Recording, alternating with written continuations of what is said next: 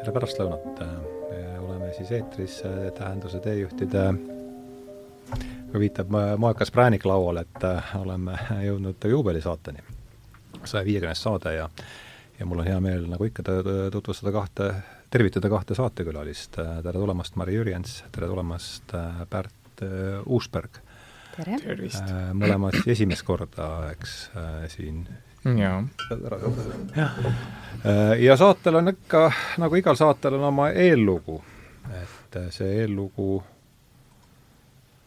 oleme ühes sõpruskonnas tuleb ikkagi iga kord, kui me kokku saame, tuleb Mari, üks Mari laul äh, niimoodi on jäänud mul pähe keha nimelt mm..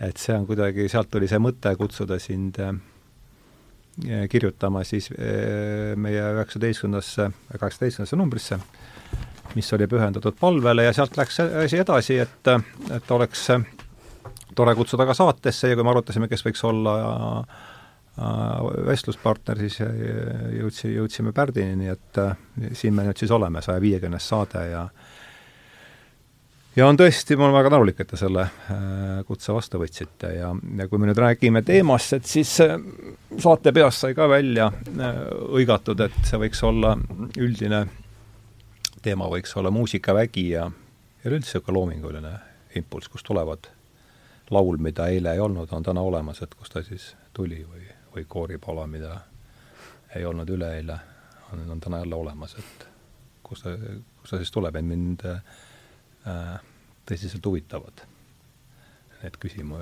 need küsimused ja, ja see ei ole esimene kord, kus me kus me nendel teemadel oleme vestelnud, et neljas saade oli, kus oli Gerri Kotta ja Erkki Sven Tüür, et samad et mingis mõttes olen jõudnud äh, sada nelikümmend kuus saadet hiljem samasse kohta tagasi teises mm., teises koosseisus, aga aga enne, kui me hakkame teemaga, teemaga pihta, et öelge enda kohta paar sõna veel äh, tutvustuseks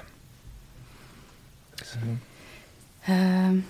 mis ma oskan öelda, olen Mari ja jah, see, et võib-olla mind on siia saatesse kutsutud ja teatakse võib-olla rohkem Äh, muusikaloojana või laulude loojana, lauljana, siis see, see on kuidagi olnud selline äh, kuidagi asjade kulg. Mm., et äh, tegelikult muusikat õppinud ma niimoodi äh, teo-, teoreetiliselt olen ainult laste muusikakoolis ja ja minu selline nii-öelda kõrghariduslik taust on hoopis Viljandi Kultuuriakadeemiast näitleja, näitleja eriala, näitleja kutse, et siis äh, kes see oli tollal seda kursust juhendas teil? meil oli nõnda, et eh, meid võeti vastu kui Von Krahli kursust, Von Krahli teater Tallinnas otsis endale siis tol ajal uut truppi ja ja siis võeti Viljandist eh, selline punt uusi noori. Ja meil juhendajateks olidki siis Krahli näitlejad eh, ja samal ajal siis oli ka Kalju Komissarov Viljandis. Ja ühesõnaga see, see seltskond, kes meiega tegeles, oli nii kirju, et ma tegelikult ei oskagi öelda, kes oli see lõpp, selline, selline kokkuvõttes meie juhendaja, et äh, et aga jah Komissarov ikka, ma, nimi käis läbi sealt, eks? jaa, Kalju, Kalju Komissarov oli tol ajal äh, jah, meiega tegeles samuti, et mm. et siis äh, kuidagi nii ongi läinud, et kõige selle, et tänaseks võib jällegi öelda, et äh, näitlejana ma tegutsen ikkagi väga vähe, et ikkagi ma jõuan tagasi sinna muusikani kuidagi Äh, isegi kui ma vahepeal sealt nagu mingile distantsile astun, siis uuesti ma olen jälle kuidagi seal. et äh, nii, selline jah, nii. et siis hariduselt äh, vahekokkuvõtte näitleja hoopis? hoopiski, jah ja., jah. seda ma ei, Pärt, Pärt äh, mainis seda, ma isegi ei tea. ega ei pruugigi teada. Pärt? jah, et äh, esiteks aitäh siia saatesse kutsumast, ma saan aru, et Mari on siin äh, nii-öelda süüdi selles, et äh, et siis on võib-olla huvitav, huvitav ka mõelda jah, et, et meil Mariga mõneti on nagu justkui üsna sarnane äh, taust äh,, et me omavahel kohtusime sellises toredas kooris nagu Eesti koolinoorte segakoor, et, et kes seda seda juhatasid tol ajal Taavi Esko ja Kadri Leppoja ja, ja oli niisugune kolmas oluline persoon seal hääleseadel Eelo Talvik. et, et siis, kui veel nii-öelda Mari laulud äh, avalikkuse ette üldse teada ei olnud, siis neid äh,, mina olin üks esimesi, kes kuulis neid Vana-Vigala ühikas vedruvoodite peal, istus Mari seal kitarriga ja laulis oma laule ja, ja samuti mina, ütleme, heliloojana ei olnud siis nii-öelda väga äh, avalikkuse ette jõudnud, et ka sellised esimesed katsetused äh, sai, sai tehtud äh, küll ka, ütleme, ma ise olen pärit Raplast, et oma ema, ema sealt Riinimanda kooridesse võib-olla esimesed katsetused tehtud, aga samuti ka seal Eesti kooli, koolinoorte segakooris, nii et meil on olnud isegi seal omal ajal selles legendaarses Vana-Vigala äh, koorilaagris üks ühine kontsert Vana-Vigala võimlas, kus Mari laulis oma laule ja kordamööda siis mina juhatasin selle Eka Nessiga oma koorilaule ja kuulajaks olid siis need laagri osavõtjad ise, et niisuguseid mm. armsaid hetki on olnud. aga jah, et mis meid veel ühendab, on see, et, et minul on ka see nagu teatripisik olnud hästi hästi hingelähedane, sest ka vend on teatrialal tegev ja, ja meil oli selline hästi aktiivne kooliteater seal Aha. Raplas, et seal mul nii isa kui vend lavastasid ja, ja isegi proovisin siin kahel korral lavakasse ja Aha, ja et, et, et, et, et aga jah, et selles mõttes on nagu olnud huvitav, et, et, et, et mina siis valisin äh, ikkagi, et ütleme, et selles vanuses kuskil äh, kaheksateist, üheksateist, kakskümmend, ma arvan, me olime nagu üsna sarnase lävepakuga nagu ellu mm -hmm. suundumas ja meie looming oli ka minu meelest mingi koha pealt nagu sarnane, et ja meie, ütleme, haridus muusikalises osas oli ka sarnane, et ma olin ka laste muusikakoolis trompetit õppinud, huvitusin mm -hmm nii muusikast kui näitlemisest kui ka spordist näiteks, on ju. mis sporti sa tegid? no mina tegelesin kergejõustikuga ja võrkpalliga et jooksid või hüppasid? Äh, no olin Rapla maakonna meister mitmekordne teivashüppes nii et ma olin selline no, Rapla maakonna oma Erki Nool nii-öelda, poolnaljaga öeldes, et mitmevõistlus meeldis mulle ka uh. -huh aga noh, nii-öelda see selleks, aga jah, et mina siis valisin selle tee, et ikkagi asuda küll üsna hilises eas, äh, võrreldes siis muusikakeskkooli noortega, et sellise kaheksateistaastasena nagu professionaalset muusikat õppima, Otsa kooli läksin koorijuhtimist mm -hmm. Ja ja sealt edasi siis Muusikaakadeemiasse heliloomingut ja siis hiljem veel teise magistrina koorijuhtimist, nii et, et selles mõttes on nagu äh, sealt hetkest on meie elud läinud nagu hästi erinevalt mõneti, on ju, et, et ja, ja aga, aga kuna ma ütlen, et mina ka palju kokku puutunud just nagu näitlejatega või et siis me tihti ikkagi nii-öelda kusagil sünnipäevadel ja tihti just Mari enda sünnipäeval kohtume ja ja aeg-ajalt on siis tore nagu mm, kuidas öelda, ka muusika üle just arutada, kuna see on nagu huvitav, kuidas see tunnetus, kui sa valid selle tee, et sa noh, asud õppima niimoodi igapäevaselt, äh, et sellega sa kahtlemata midagi võidad, aga võib-olla ka midagi kaotad mm, -hmm. et ma tihti just vaatan Mari jälle sellise mm -hmm. noh, nagu et ta meenutab mulle seda kuidagi, seda sellist puhast tundlikkust ja. muusika suhtes või, ja loomingu suhtes. Äh, et ta ei ole nagu oma aiu lasknud nii palju selliseid, äh, sellist infot ja, ja võib-olla ülemõtlemist mm. -hmm no see on väga põnev teema minu jaoks, äh, et nojah, et just, et me mõlemad tegutseme igapäevaselt justkui nagu muusika valdkonnas, aga et et mina siis jah, jät-, jätsin ühel hetkel nagu õpingud pooleli. mis sa õppisid laste muusikakoolis, mis viiulit, õppisin viiulit ja siis mina õppisin trompetit, see just. jah, et siis, aga et, et et mis, mina vahel jälle kohati tunnengi seda, et et siis, noh, Pärt on ikkagi selline muusikas ikkagi ka justkui nagu teadlane või teoreetiliselt tal on ikkagi, ta teab neist asjadest, mida ta teeb, mina tõesti, ma lihtsalt kuidagi tunnetuslikult otsingute käigus öö, jõuan mingi looni, on ju, et ja vahel tunnen ka, et ma takerdun kuskile, sest mingisugune öö, kusagil tuleb nagu piir just sellises teoreetilises sfääris nagu ette, et ma öö, noh, jään nagu jalgu endale, kui ma ei oska teoreetiliselt nagu edasi minna, et kui mul ei tule just taha praeguselt selline inspiratsioon või ma jään nagu kuskile kinni, on ju, kas pillimänguoskuses või, või siis tõesti mingisuguste noodistamist, ma ei noodista oma laule, on ju, näiteks, et mm -hmm et noodist, laulu noodistama tähendab siis noodikirjas just, et kirja panema. paned ta nagu jah, mul endal muusikalist haridust ei ole, et seetõttu et siis see on nagu põnev, et mida teeb see, kus kohas noh, selles on, ma arvan, selline mõlemal, mõlemal poolel on nagu, on midagi head ja midagi, mis äh, võib-olla kuskil jällegi piirab, on ju, et jah, et ma mäletan ka, et kui ma nagu Otsa kooli läksin, et siis äh, noh, tookord ma ütleme, ma olin avastanud enda jaoks üldse selle heliloomingulise võime nii-öelda endalegi ootamatult tegelikult sealsamas Eesti, Eesti koolinoorte segakoorilaagris mm. -hmm. et meil on veel üks ühine sõber, Aare Külamaa -hmm. üks, kes tänasel päeval on selline džässpianist ja, ja laulab ka niisuguse ilusa bassihäälega nii seal Estonian Voiceses kui siis Gregoriani ansamblis Vox Lamantis, et äh, aga jah, tema seal Eesti koorinoorte segakoori äh, laagrite nagu pauside ajal mängis klaverit ja, ja mina isegi ei aimanud, et ta oma loomingut mängis, et ma vaatasin lihtsalt, et, et, et tohutult ilusti mängib pilli ja küsisin, et mida ta seal mängib. Et siis, siis äh, mainis niimoodi poolhäbelikult, et see on tema enda, enda looming ja, ja siis mina, mina tõesti küsisin niimoodi ikkagi üllatunult, et, et kuidas sa seda teed või kuidas see võimalik üldse on ja ja, ja Aare väga pika jutuga ei ole, tema lihtsalt ütles, et ah, mis seal ikka, et mine proovi, ma usun, sul tuleb ka. ja noh, nii oligi, et ma ei olnud lihtsalt varem mõelnud, et, et prooviks ka ja ma läksin sealt laagrist koju, istusin klaveri taha ja lihtsalt istusin seal piisavalt kaua, kuni, kuni, kuni miskit hakkas nagu kooruma ja ja sellest hetkest alates on, on tekkinud teatav selline äh, sõltuvus nii-öelda heas mõttes äh, muusikat kirjutada mm. -hmm. aga, aga jah, et, et ütleme, et, et äh, alguses, kui see kõik algas, ma olin siis seitseteist, et siis see oli just, et ikkagi, et kui sind tabas nii-öelda inspiratsioon ja ja, ja, ja kuidagi ma ei osanud absoluutselt vastata küsimustele tol ajal, et kust see looming tuleb või, või, või mis siis tegelikult toimub, ma isegi ei tahtnud, see tundus mulle liiga nagu teaduslik nii-öelda, et ma just nautisin seda nagu äh, teadmatust mm. -hmm. ja siis, kui ma Otsa kooli läksin, et jutt jah, algas mul sellest, et, et siis ma mäletan, et tekkis alguses teatav niisugune hirm, et, et õppida harmooniat, äh, muusika ajalugu, kõik, kõik see teave, mis sa saad, et, et saad targemaks, aga, aga justkui hakkad kaotama seda mm -hmm. saladust nii-öelda et, et see, et siis ma mäletan seda kuskil kolmandal kursusel või kuskil, et ma mõtlesin, et et mis nüüd siis saab nagu, et, et, et kuidagi see tegi mind natuke kurvaks, aga siis ma kuidagi jõudsin endas selleni, et ega mul tagasiteed ka enam pole, et ma ei saa enam mängida, kui ma just mälukaotust ei saa, on ju, tüdi-tüi, et ma ei saa mängida enam tabula rasat nii-öelda mhm. selles, et, et siis mind hakkas jälle vastupidi huvitama, et tahaks saada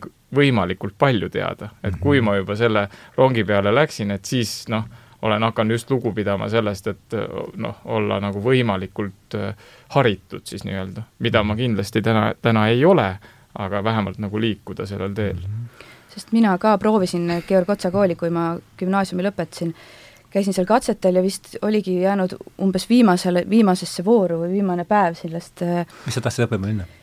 Äh, tol hetkel ma isegi, mul ei olnud nagu kindlat plaani, mida ma seal, ma lihtsalt tundsin, et nüüd on see, mul oli nagu see hetk, et et kas ma nüüd lähen muusikas edasi või, või liigun kusagile siis teise suunda, et äh, ma läksin sinna tol hetkel nagu džässlaulu osakonda Aha ja läksin viimases, viimasesse, sain siis viimasesse lõppvooru või kuidagi ja, ja seal, sinna siis enam ei, kohale ei läinud, sest et just sellel samal põhjusel, mida Pärt ütles, mida ta äh, aga sa ei läinud ise kohale, jah? ma ei läinud kohale, sest et mul tekkis seesama hirm, et kui ma nüüd õpin seda ja kui ma seda muusikas nüüd lähen nagu teoreetiliselt kuidagi sealt edasi ja ja täpselt sama, samal põhjusel, mille pärast Pärt nagu muretses ja tema astus selle sammu, siis mina seda sammu ei astunud ja mm, -hmm. ja ja, ja nii see jäi ja, ja, ja täna ma ütlengi, et mingis mingis, mingil hetkel ma nagu natuke igatsen seda, et, et ma natuke rohkem teaksin või oskaksin nagu seal kuidagi orienteeruda muusikas just niimoodi. aga ei ole mõelnud, et läheks uuesti näiteks otsa või midagi? on käinud mõtteid peast läbi, et miks mitte täna õppida Mubasse nüüd, nüüd avatakse uus kolm aa, see on see, mis on, tehti sinna kuhugi sinna panga taha. jah, ja kusjuures ei saa, ei saa salata, et ma ka sel kevadel olen vaadanud näiteks EMTA, EMTA-sse mingi, et mind huvitab natuke näiteks äh, muusika õpetamine ja mulle meeldiks lastega näiteks tegeleda, aga mul on mingi hirm ja mingi selline, äh, selline tunne nagu, et ma ei oskaks, et sest et mul on mingisugused teadmised nagu puudu, et kuidas ma neid siis või mida ma oskaksin õpetada, et mm -hmm. siis ma olen kohati nagu mänginud selle mõttega, et äkki, äkki arendada mingi seda poolt endas, aga ma ei tea veel mm. -hmm. selles mõttes on muidugi ja siis sa läksid, pärast otsa läksidki siis otsa sellesse lava äh, Viljandisse? jaa, ma, mul oli seal mitu varianti, ma mõtlesin ka minna, käisin ka Tal-, Tallinna Ülikooli psühholoogia eriala ah, mõtlesin ja siis, ja siis kuidagi ikkagi see, kuna minu ema töötas Vanemuise teatris ja mind see, see näitlemise teatri see, see pool ema tegi teatris mida? tema oli seal administratiivses Aha. pooles ja turundus, turundus, aga ma nägin seda maailma ja ma mm. sain mõnes tükis kaasa seal teha ja, ja istusin seal lava taga ja, ja see oli kuidagi hästi paeluv ja mind hakkas seal gümnaasiumi lõpuklassides äh, teater väga huvitama, ma püüdsin ise seal midagi lavastada ja mm. ja just see maailm, et see teatri kaudu, noh, miks ma ka psühholoogiat äh, tahtsin õppida mm., et see, see inimese tundmaõppimine oli minu jaoks põnev mm -hmm. maailm ja teater ju ka on sellega nii lähedalt seotud, et mulle tundus, et teatriõpingute kaudu võin ma kuidagi kõik need asjad ühendada. et mm, -hmm. et see, selle kaudu kuidagi inimest ja ennast ja, ja nii see läks, jah. Ja, ja kui siia veel juurde rääkida, et minul on jälle ka selle teatriga olnud selline kuidagi, eriti muusikaõpingute alguses äh, selline natuke kurblik äh, si-, side, et, et, et, et tihtilugu tundsin, et jah, et muusika küll huvitab, aga aga tõeliselt puudutatud saan ma ikkagi teatris käies ah,, et, et, et nagu kontserdil mul tihti noh, ei teki nii-öelda, pisarad ei tule silma või ei, ei koge külmavärinaid või niimoodi, aga kui teatris on keegi mingil väga inimlikul, psühholoogiliselt eredal hetkel kasutanud just nimelt muusikat, on ju, kuidagi väga tundlikult, et, et siis nendel hetkedel ma olen palju emotsionaalsem ja siis ma vahel nagu draama.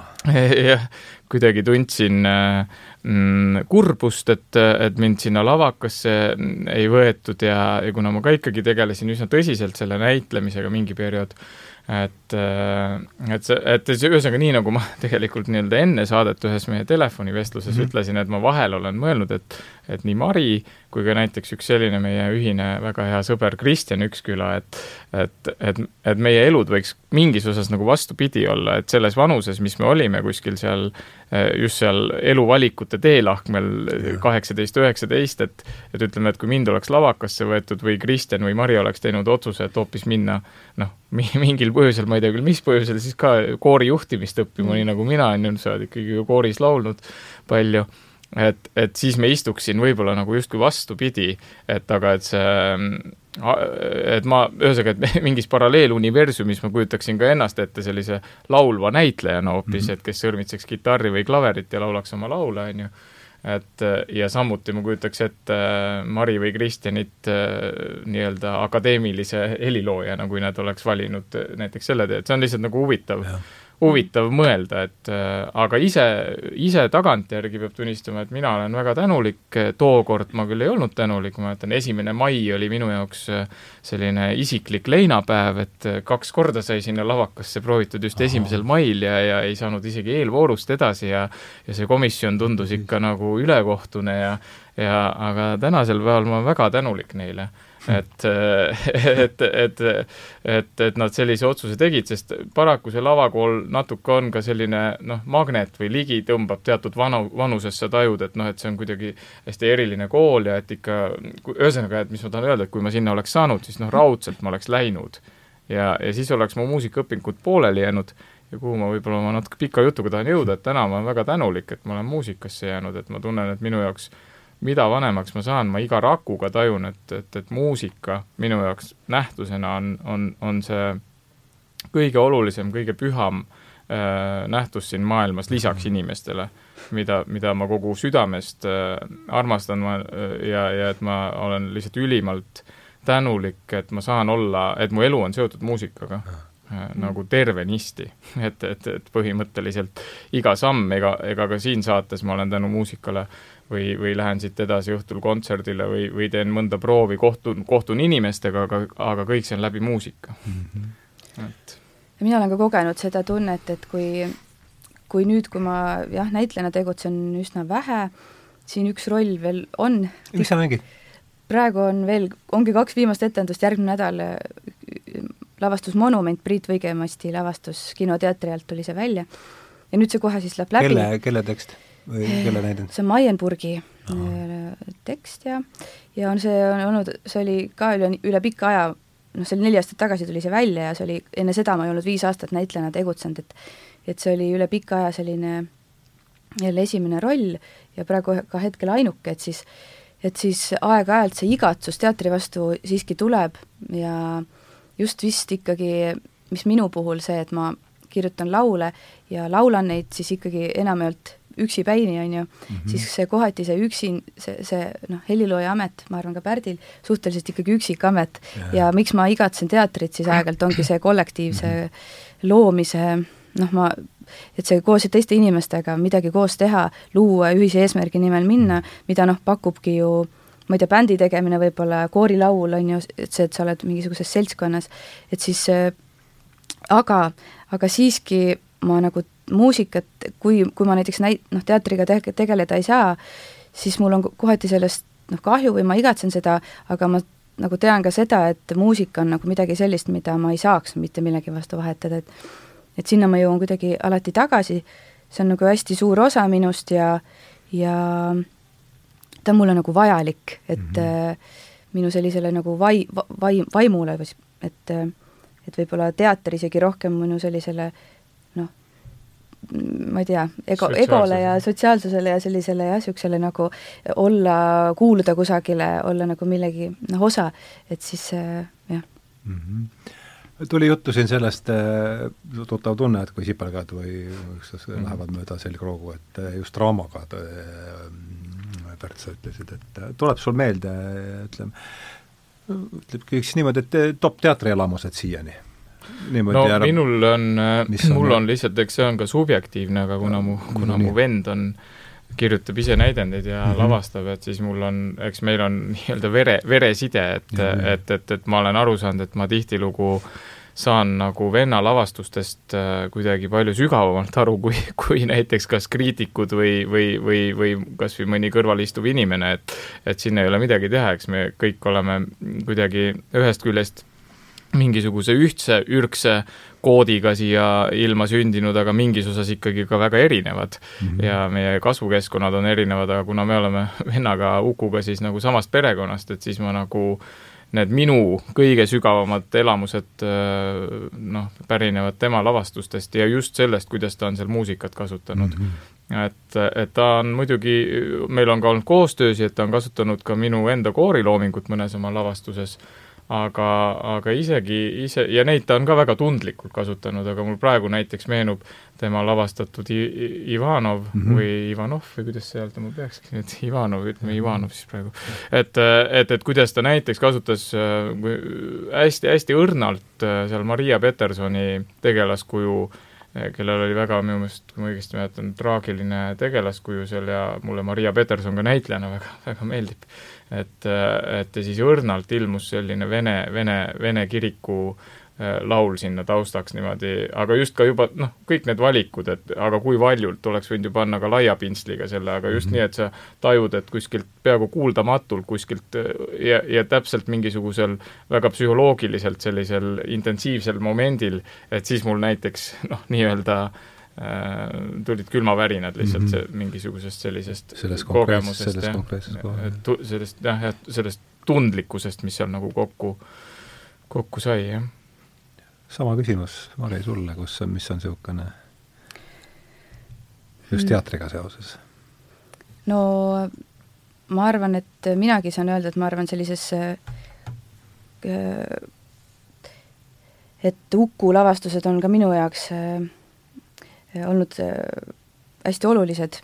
Või noh, nii, ma olen neist saanud alati väga suure puudutuse ja ma arvan ka, jällegi ma saan öelda, et see ei ole, et see on võib-olla ka nagu subjektiivne, aga et kuna noh, olles ka nagu selle Rapla inimeste, Rapla, mul on väga palju Rapla sõpru ja olles selles keskkonnas kuidagi väga äh, olen nagu armunud olnud sellesse Rapla vaimu, siis ja selle kuidagi lähedalt kokku puutunud, siis saan öelda, et ma ka, ma arvan, ma tajun seda kuidagi ka äh, no meil on jah, ütleme, Mari abikaasa on minu, minu pinginaaber, on ju, ja et mm -hmm. meil on teatav selline äh, et ütleme Te ühes koolis ei käinud? mina olen Tartu tüdruk hoopis. Tartu tüdruk, aa muidugi, ema oli vanem muuseas.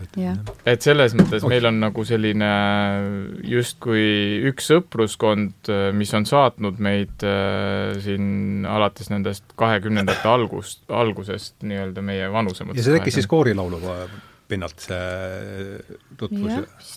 nojah, see Eesti Koolinoorte Segakooris tutvusin mina sinuga, on ju, ja sealsamas Vana-Vigala laagris kohtusid sina Mikuga ja, ja sealt edasi ütleme, ja kuna jah, minu vend on, on äh, ütleme siis lavastaja, näitleja, et, et, et see kõik need kuidagi mm, liinid ulatuvad, et me, et ühesõnaga, meil on jah, teatud selline, kus on seesama Kristjan Üksküla ja et me nagu äh, teatud regulaarsusega ikkagi kohtume ja, ja et ütleme, minul näiteks Muusikaakadeemia õpingute ajal, mida on vahel nagu huvitav mõelda, et et mul nagu muusikutega ei olnud väga palju selliseid noh, nii-öelda pidusid või, või, mhm. või, või, või, või, koosolemisi eh, ja ei leidnud ka ausalt öeldes endale liiga palju sõpru, et võib-olla EMTA ajal rohkem kui Otsakooli ajal, aga et terve mhm. selle oma, oma ülikooli vanuse aja ma läbisin siis eh, just selle nii-öelda ringkonnaga, kuhu, kuhu mm. kuulusid siis Mari Mikk ja Kristjan ja ja mu vend Uku ja niimoodi, et, et selles mõttes jah, meil on nagu natuke selline mm -hmm. ühtne sõpruskond ja. siin no, olnud. aga viimane, võib-olla kõige viimane teatrielamus, kui sellest veel rääkida, siis just tegelikult sattusime sinna etendust koos vaatama Pärdiga juhuslikult, aga mulle väga läks korda teatrumi äh, Iraani, Iraani konverents ja see no. tekst ja siis mm. praeguses ajas ta kuidagi nii, noh, ta oligi lihtsalt väga vägev tekst ja kuidas see oli ka lavastatud ja ja ma arvan, et võib öelda, et see oli mu sellise viimase aja. soovitan, soovitan seda vaatama. see meil jäigi vist, jäigi vist vaatamata, oli ma ei teagi, kas seda veel on? minu meelest nad on äh, jah, sellest on tõesti kahju. aga vist oli, ma ei tea, minu arust oli jah, ühesõnaga seda saab järele vaadata mm. -hmm. aga küll on ka plaanis, kas te see Kuningas sureb olete käinud vaatamas? kahjuks ei ole. see, see sai nüüd täna Aha. ära ostetud piletid, et näha mm.. kuningas sureb lihtsalt tuli, sest mm -hmm. samas viimases lehes mm -hmm. tuli, tuli jutuks ahaa, no selge, nüüd on siis äh, tutvumisring äh, jõudnud õnnelikult lõpule. et lähme siis teema juurde, et äh, teema, võtame, et kust tulevad uued asjad.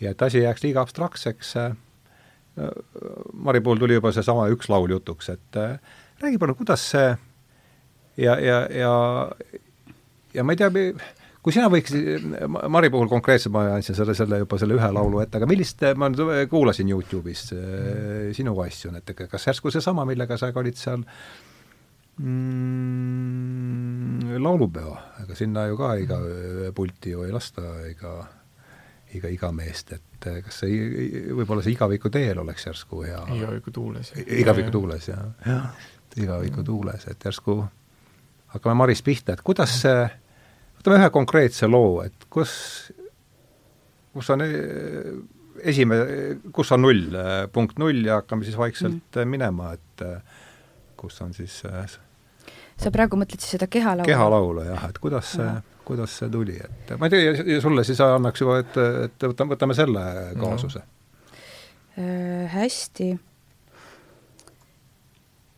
no võib-olla, võib-olla üldse, kui minna kuskile veel väga palju minevikku tagasi, siis, siis võib-olla enne seda, kui ma hakkasin noh, nimelt nii-öelda meloodiaid kirjutama, siis võib-olla enne seda isegi mind huvitas rohkem luule või noh, et see on alati mm -hmm. olnud kuidagi paralleelselt, aga selle, et see kehalaul, ma arvan, sellel oli kindlasti see, kõigepealt oli minu jaoks oluline see tekst või noh, et mul sündis see tekst see sündis kuidagi nõnda, et ma olin, see oli see periood elust, kus ma olin hästi värskelt just emaks saanud mm -hmm. ja loonud kodu, esimese kodu ja ka abiellunud, ühesõnaga hästi palju muutusi, suuri, suuri elumuutusi oli minu elus.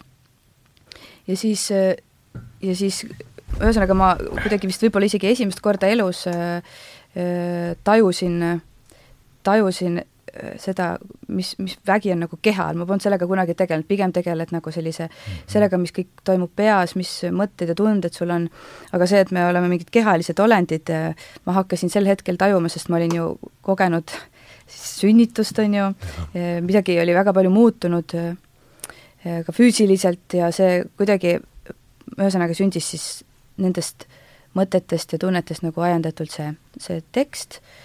Ja tekst kõigepealt jah, selle laulu puhul küll, aga see pole alati nii. jaa, ei, ma just räägin selle. et siis, äh, ja siis on nõnda, et kuna ka kitarr on siis kuidagi kujunenud välja minu selliseks, kuigi ma olen jah, õppinud viiulit, ja see kitarr on ka kuidagi hästi juhuslikult äh, minu ellu kunagi tulnud, et siis kitarr on ka minu jaoks selline instrument, mis, mida ma siiamaani nagu avastan. samamoodi mul ei ole temast sellist teoreetilist pagasit, et ma nüüd mängin mingeid konkreetseid järgnevusi või ma tean täpselt, mida, mida ma seal teen, vaid iga kord, kui ma siis laulu kirjutan, ma uuesti võtan selle pilli ja hakkan teda kuidagi nagu avastama mm. -hmm et see on, oli selle laulu puhul siis nagu see järgmine etapp, et ma võtan pilli no, tekst oli täis, tekst oli täisulatuses niimoodi enam-vähem või ta muutub ka, ütle, muusika tegemise käigus, kas tekst muutub veel või kuidas sellega on? Teinekord on nii, et eh, jah, et ta eh, seal võib-olla jah, mingid midagi võib-olla seal nagu selgineb, aga sel, minu meelest see tekst oli küll nagu üsnagi, üsnagi nagu, nagu paigas või mm. -hmm. et äh, vähemasti osa sellest, noh, et ma ei tea, kas ta kohe sündis yeah. niimoodi, et aga vähemasti mingisugune struktuur küll ja ja, ja siis jah, siis hakkasin seda rütmi ja otsima selle pilli peal, et kuidas ta sinna süüniks panna, teinekord on ka nii, et kas mingi, kui ütleme, luule kirjutamine käib, kas mingi muusika juba vaikselt on seal äh, kusagil äh, meelepõhjas niimoodi mm. meelepõhjas äh, käib ka või on? mõnikord on ja väga konkreetne selline rütm ja mõnikord nad täiesti ongi nagu tervik kohe, on ju, et see uh -huh. tekst ja meloodia on kohe kuidagi kuuluvadki koheselt kokku, aga, aga mõnikord on nii, et sünnib mingi tekst, millest ma õudselt tahaks kirjutada laulu, aga seda ei juhtu. et see tekst jääbki tekstiks, talle nagu, ma ei, ma ei leia seda meloodiat talle ja ja või ei leia seda kitarri peal seda, sest et kui ma ka võiksin leud-, leida meloodia, noh teinekord võid kirjutada, kirjutangi a capella laulu näiteks ja mm -hmm. see, mhm. sellest piisab. et aga, aga selleks, et ma, minu eesmärk on ikkagi kui ma kirjutan laulu, siis ma kujutlen teda, seda en-, nagu laulmas ennast, on ju, et ja selleks on mul vaja, et ma saaksin seda kuidagi teha, siis selleks ongi siis hetkel mul kitarr, on ju, see minu instrument, millega ma saan ennast väljendada ja, ja neid laule laulda, et nii et muusika otsimine käib kitarriga, mitte, mitte jah, on ka muidugi klaver, et ma, kuigi klaverit ma kuidagi noh, avalikult häbenen mängida ja ma ei, teda ei, aga kodus teinekord küll otsin ka, otsin ka klaveri peal mm. -hmm. jah, ja siis niimoodi, niimoodi ta sündis, jah mm. -hmm. nii et äh, tekkis eluperioodil, kus elus oli palju muutusi.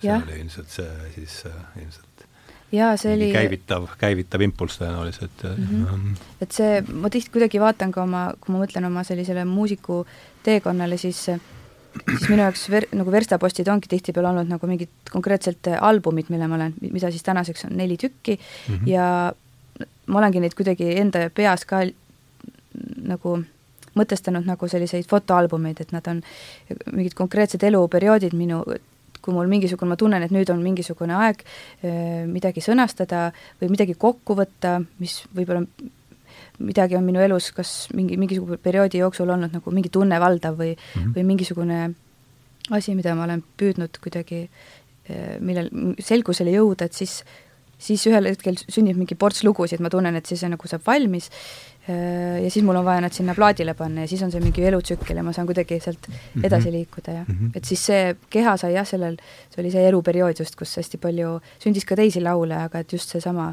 kuidagi kõik olid kantud nagu sellest, nendest mm -hmm. muutustest mm. -hmm. aga võtame siis selle konkreetse igaviku tuules, igaviku tuules jah, et no jah, et äh, eks siin üks selline noh, erinevus kohe, mis, mis, mis tekib, mis mõneti haakub selle alguse jutuga, et, et ütleme, et, et kui me selles vanuses äh, kaheksateist, üheksateist, kakskümmend, ma arvan, Mariga kirjutasime selles osas üsna sarnaselt, et e, endalegi on tuttav see, et, et, et looming ühesõnaga suhestus otse elus toimuvaga ja ja pigem, et lähtus sisemisest vajadusest, siis ütleme, et alates hetkest, kui sai professionaalsemalt mhm. mindud mm -hmm. õppima, tuleb siis selline mõiste siia mängu nagu tellimus, nii et ka Just.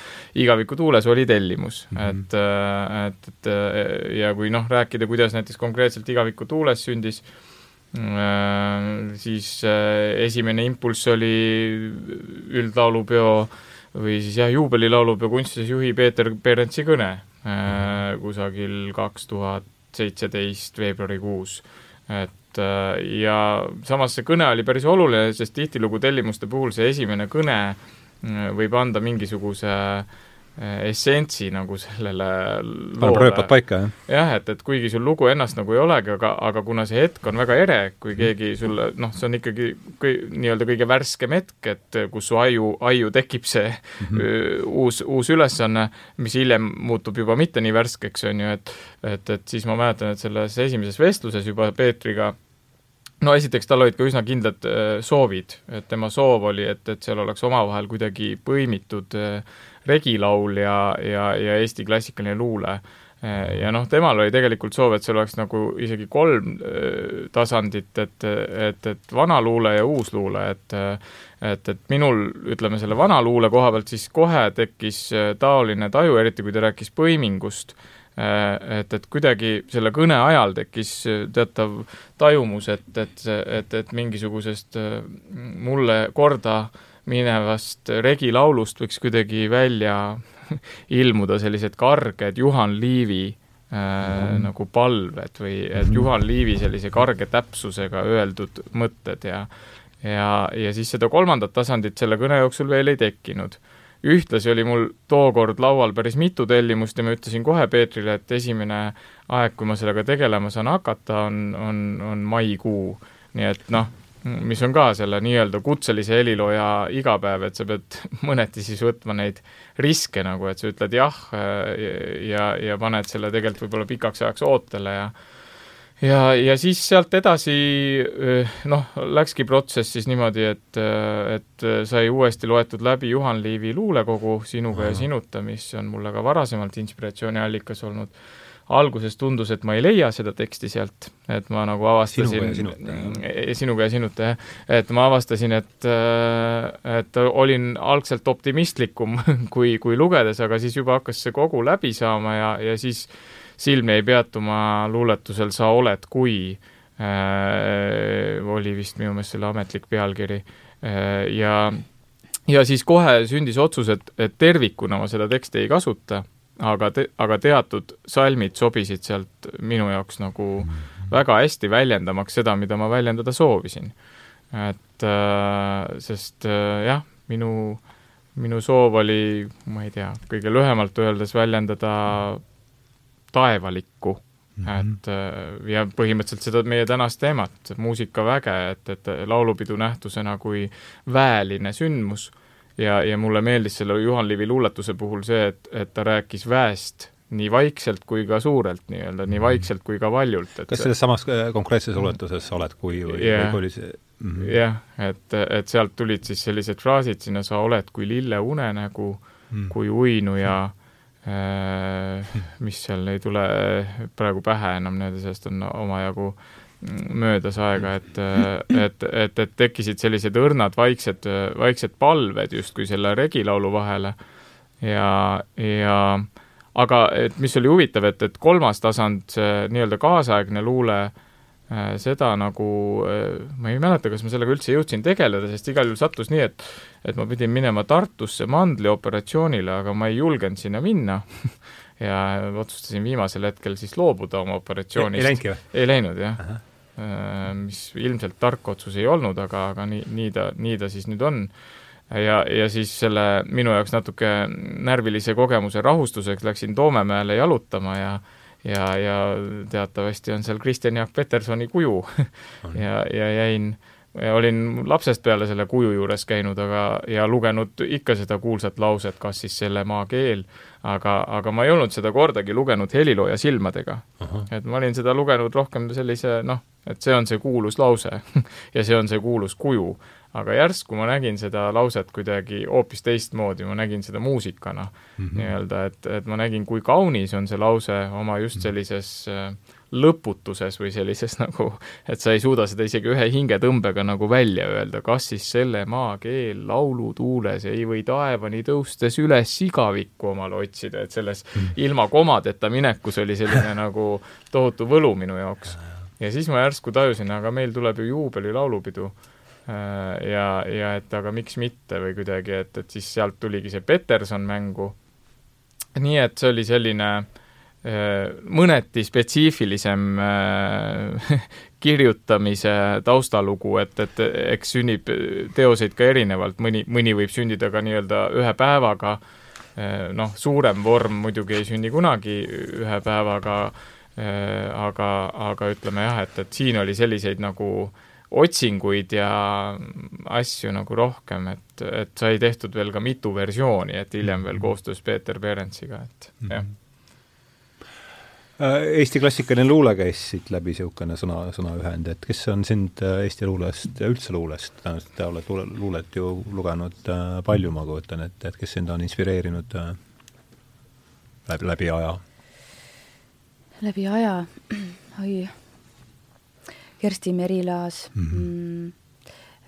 Artur Alliksaart mingil hetkel kool, noh, siis kui ma käisin võib-olla gümnaasiumis, siis, siis ma siis äh, see oli niisugune avastus minu jaoks. Alliksaar? jah, kuidas, kuidas võib Jaa, kirjutada. vägev väga vägev, kuidas võib öelda või sõnada midagi, et ma jah, niimoodi, et äh, Eesti luule on ju väga rik-, rikas, et et äh, niimoodi kedagi veel e-, ekstra niimoodi noh, Juhan Viiding on ju ka ja, ja et aga jah, ma olen nagu, kui Pärt on võib-olla selle lugenud sellise mõttega luulet ka rohkem, et ta sealt otsib nagu loomis, loomiseks või inspiree- mm., inspiratsiooniks, siis mina polegi seda teed veel astunud, et ma oleksin mõne luuletaja tekstile kirjutanud laulu, miskipärast olen seda nagu peljanud või tundnud, et see tundub nagu vastutus või et no ma arvan jah, meil on siin Mariga selles mõttes tõesti, see on ka üks erinevus, et see autori laul žanrina ongi nagu selles mõttes ka nagu erinev, et et, et ja see on kokkuvõttes väga võluv, et seal on just see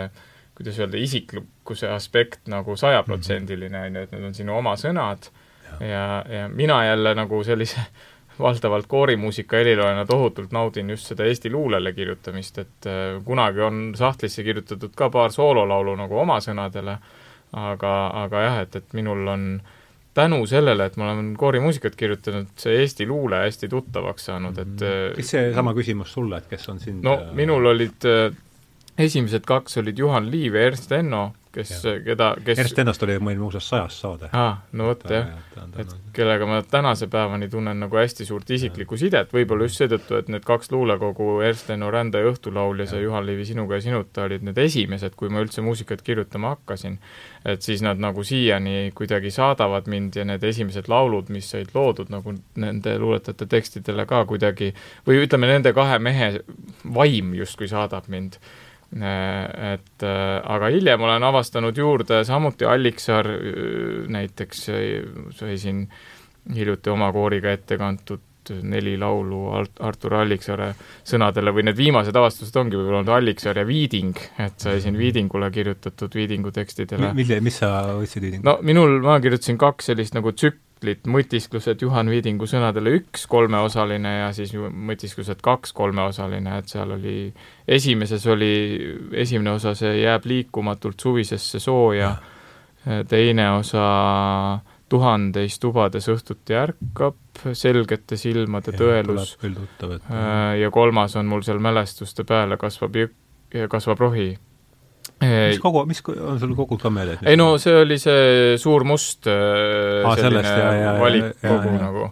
et oota, mis kogudes need vaat seda, seda ma isegi ei tea. selgest eesti keelest oli meil ka eraldi, oli saade, aga me ei tule see nii et jah, et, et, et mina ütleme, kuigi teine tasand on mul ka, ütleme, et ma olen kirjutanud ka ladinakeelsetele vaimulikele tekstile ja tänagi siin õhtul on rahvusmeeskoori kannab ette seitse, seitse sellist kannatusaja tekstile kirjutatud teost.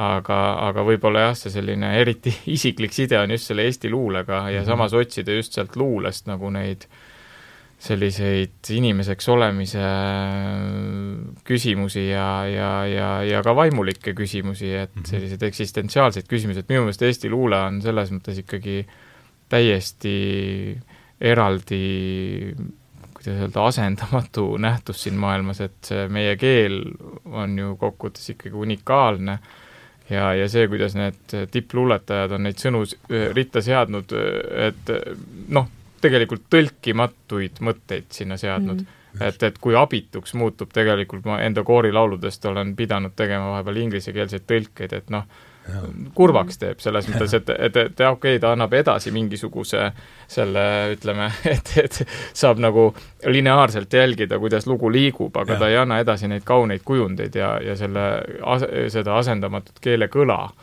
et, et selles osas ja heliloojana, mis on väga huvitav, mida julgen sulle soovitada selles mõttes, et kui see, et võtta ette kellegi teise tekst, et et, et, et tihti, kui seda teksti nagu valin või niimoodi, siis alguses on see selline aistinguline protsess, et sa loed palju luuletusi läbi ja, ja teed väikse, kas ühe hüüumärgi või kaks või kolm ja hiljem loed neid veel üle äh, ja, ja, ja lõpuks mingi valik tekib, et sa noh, tajud, et siin on sellist lauluainest või muusikaainest aga eriti huvitavaks läheb ikkagi siis, kui sa kirjutama asud, et mm., et siis need muusikat juba? jah, et, et siis need nagu äh, mm. need laused, mis sinna on kirjutatud, nad nagu, nagu sa hakkaksid uksi avama et, et sa alguses, alguses nagu loed seda lihtsalt, et see üldine rütmi, et üldine mõte läheb korda üldine selle muusika rütm tekitab mm -hmm. sellise muusikalise aistingu, et peaaegu nagu see luuletus nagu väreleb siin äh, paberi peal, et ta nagu heliseb.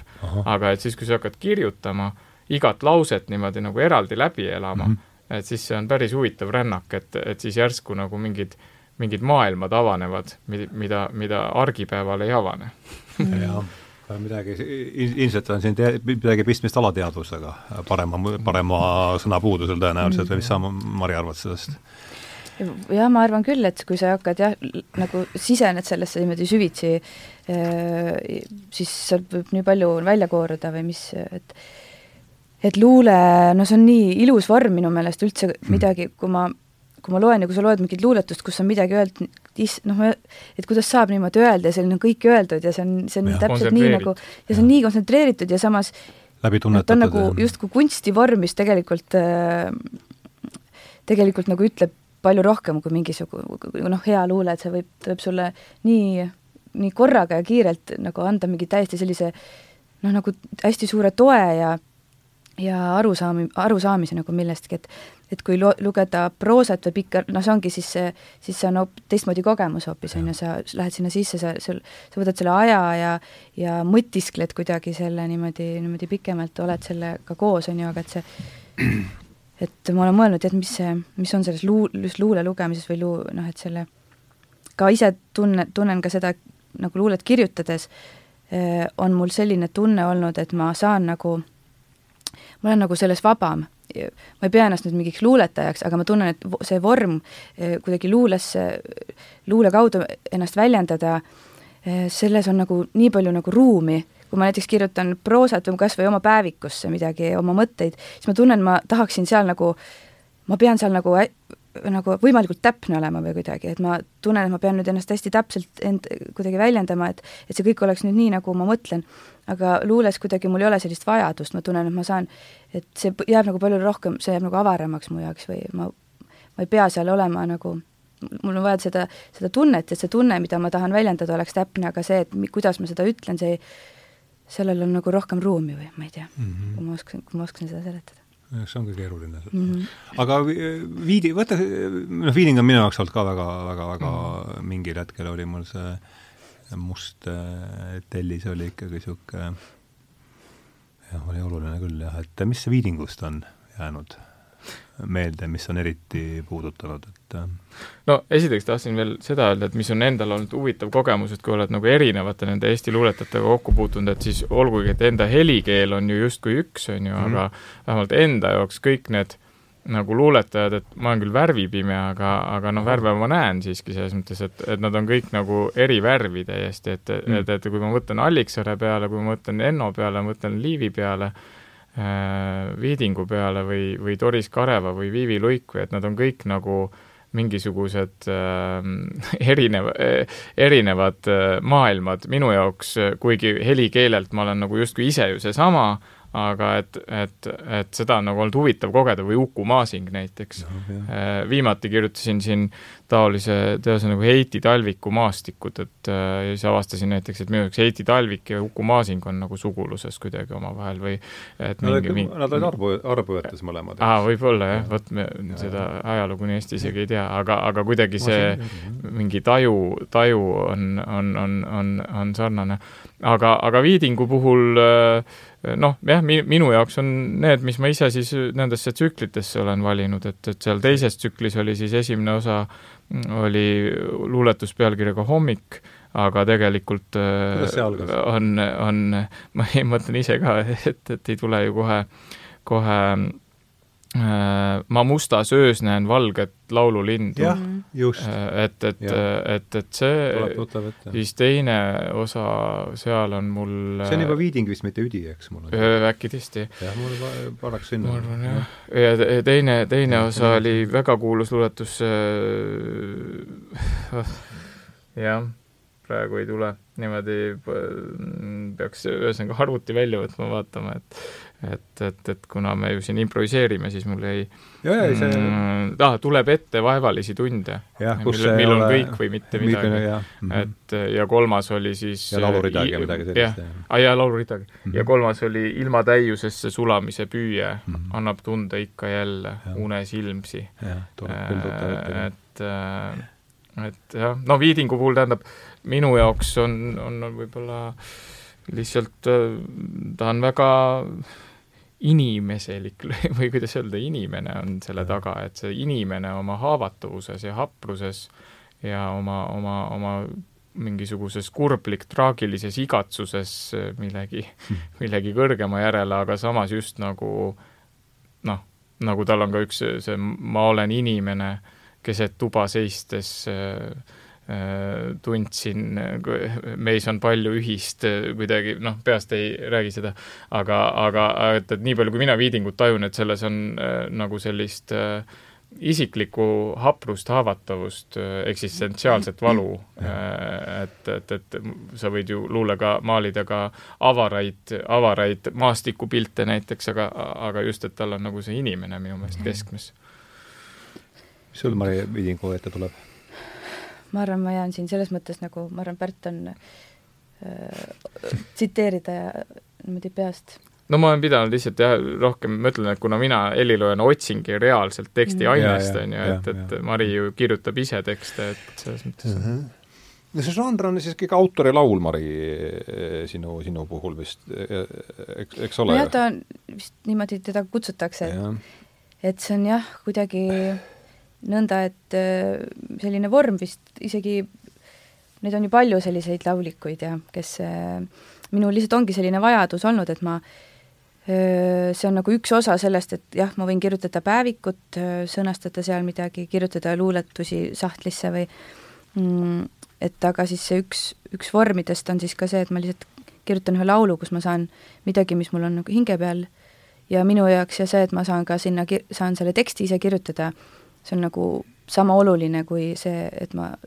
sinna, sinna sünnib ka meloodia juurde mm., et, et mul on need mõlemad, mõlemad pooled nagu minu enda jaoks olulised, et ja siis, ja siis, ja siis eraldi kogemus on minna lavale ja siis seda kõike uuesti nagu läbi elada, ka neid laule, mida ma võib-olla kümme aastat tagasi kirjutasin mm. -hmm. ka see on nagu põnev, et kuidas see laul minu jaoks täna kõlab või kuidas ma teda täna näen, mõni laul, mõnest laulust ma olengi võib-olla eemaldunud, ma ei oskagi teda täna niimoodi eh, enam võib-olla kontserdil temasse nii sisse minna, on ju, et see, et kuidas ma ise muutun, see on nagu põnev teekond jälgida, milliseid laule ma olen kirjutanud, millest ma olen mõelnud kunagi, ma ei tea, viisteist aastat tagasi ja ja mida ma kirjutan täna ja see mm. -hmm see on jah ühisosa, ma arvan, meil nagu mõlemal mis tahes žanrisse muusikat kirjutada, et see enda, enda kasvamine, muutumine ja samas, et jäljed jäävad sust nagu maha ja sa ei ja. saa neid otseselt ka nagu ära pühkida ja kas, kas võib-olla peakski, aga aga tean ka heliloojaid, kes ikkagi reaalselt noh, väga häbenevad oma, oma, oma varajaseid teoseid ja nad ei tahagi nagu väga, tunnevad piinlikkust, on ju ja, ja noh, endal on, endal on mingis mõttes nagu nii ja naa sellega, et ühest küljest on just need mõned kõige esimesed mm, nagu näiteks klaveripalad, mis, mis ei olegi eriti avalikkust näinud, mida ma lihtsalt ise aeg-ajalt iseendale mängin, et seal ma just tunnen eh, seda, et, et see on mulle just selline nagu mingisugune allikas, mille juurde tagasi minna ja vaadata, kuhu ma siis vahepeal nagu olen kaugenenud või, või kas olen kaugenenud või niimoodi. et, et mulle isegi peab tunnistama, et võib-olla isegi see algus on oluline, otseselt nagu ei häbene, samas näiteks mõningad teosed on küll niimoodi, kus, kus äh, jah, no selles mõttes ühesõnaga haakus see Mari mõte, et et, et, et võib-olla isegi näed, et kellelegi teisele siin ja praegu võib see nagu väga korda minna ja noh, üritad siis olla delikaatne selles suhtes ja, ja nagu tänulik selle eest, aga, aga ise tunned ja, mingit täiesti suurt distantsi või et sa isegi ei saa enam nagu aru, kas see oleks üldse sinu, sinu looming või, või igal juhul ta ei mõju mm -hmm. sulle enam niimoodi nagu isiklikult mm. -hmm.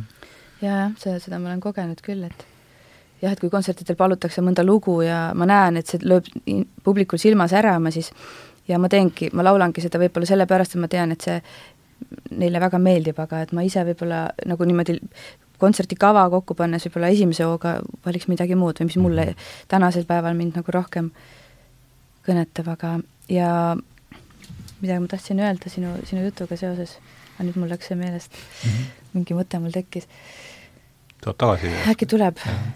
aga võta, räägime autorilaulust ka, see on nagu Äh, et, et kes on siin olnud sellised äh, inspiratsiooniallikad sulle, keda sa hea meelega kuulad, teil sama küsimus? noh, ma arvan niimoodi suurest maailmast äh, Johnny Mitchell kindlasti, kes mm, ma arvan, ei ole vist autorilaulikut, kes, keda ta poleks võib-olla mõjutanud või ja.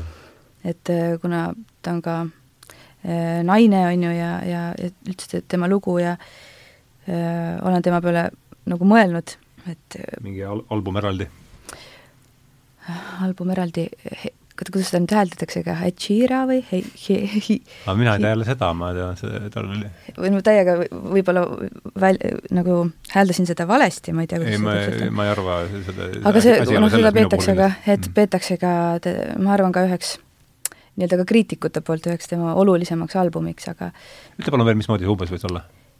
kui, kui ma nüüd õigesti tean, siis kas Hei Heira või kuidagi ma panen jah, siis ma pärast on selle järgi, ma otsin üles. et äh, ja siis ka tema puhul kuulda seda, kuidas ta, kuidas ta laulis ja, ja kirjutas. Ja siiski ka tema võib-olla niimoodi laiale publikule tuntumad lood on tema sellisest varasemast mhm, loomingust, on ju.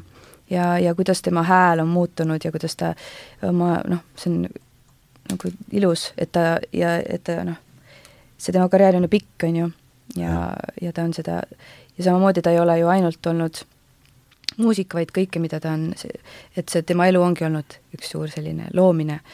ja see on ka olnud tema valik, ta on ju loob-, ühel hetkel loobuski, loobus äh, nagu sellisest võib-olla ka er, eraelust ja selleks, et, et nagu puhtalt loomisele keskenduda, et siis aga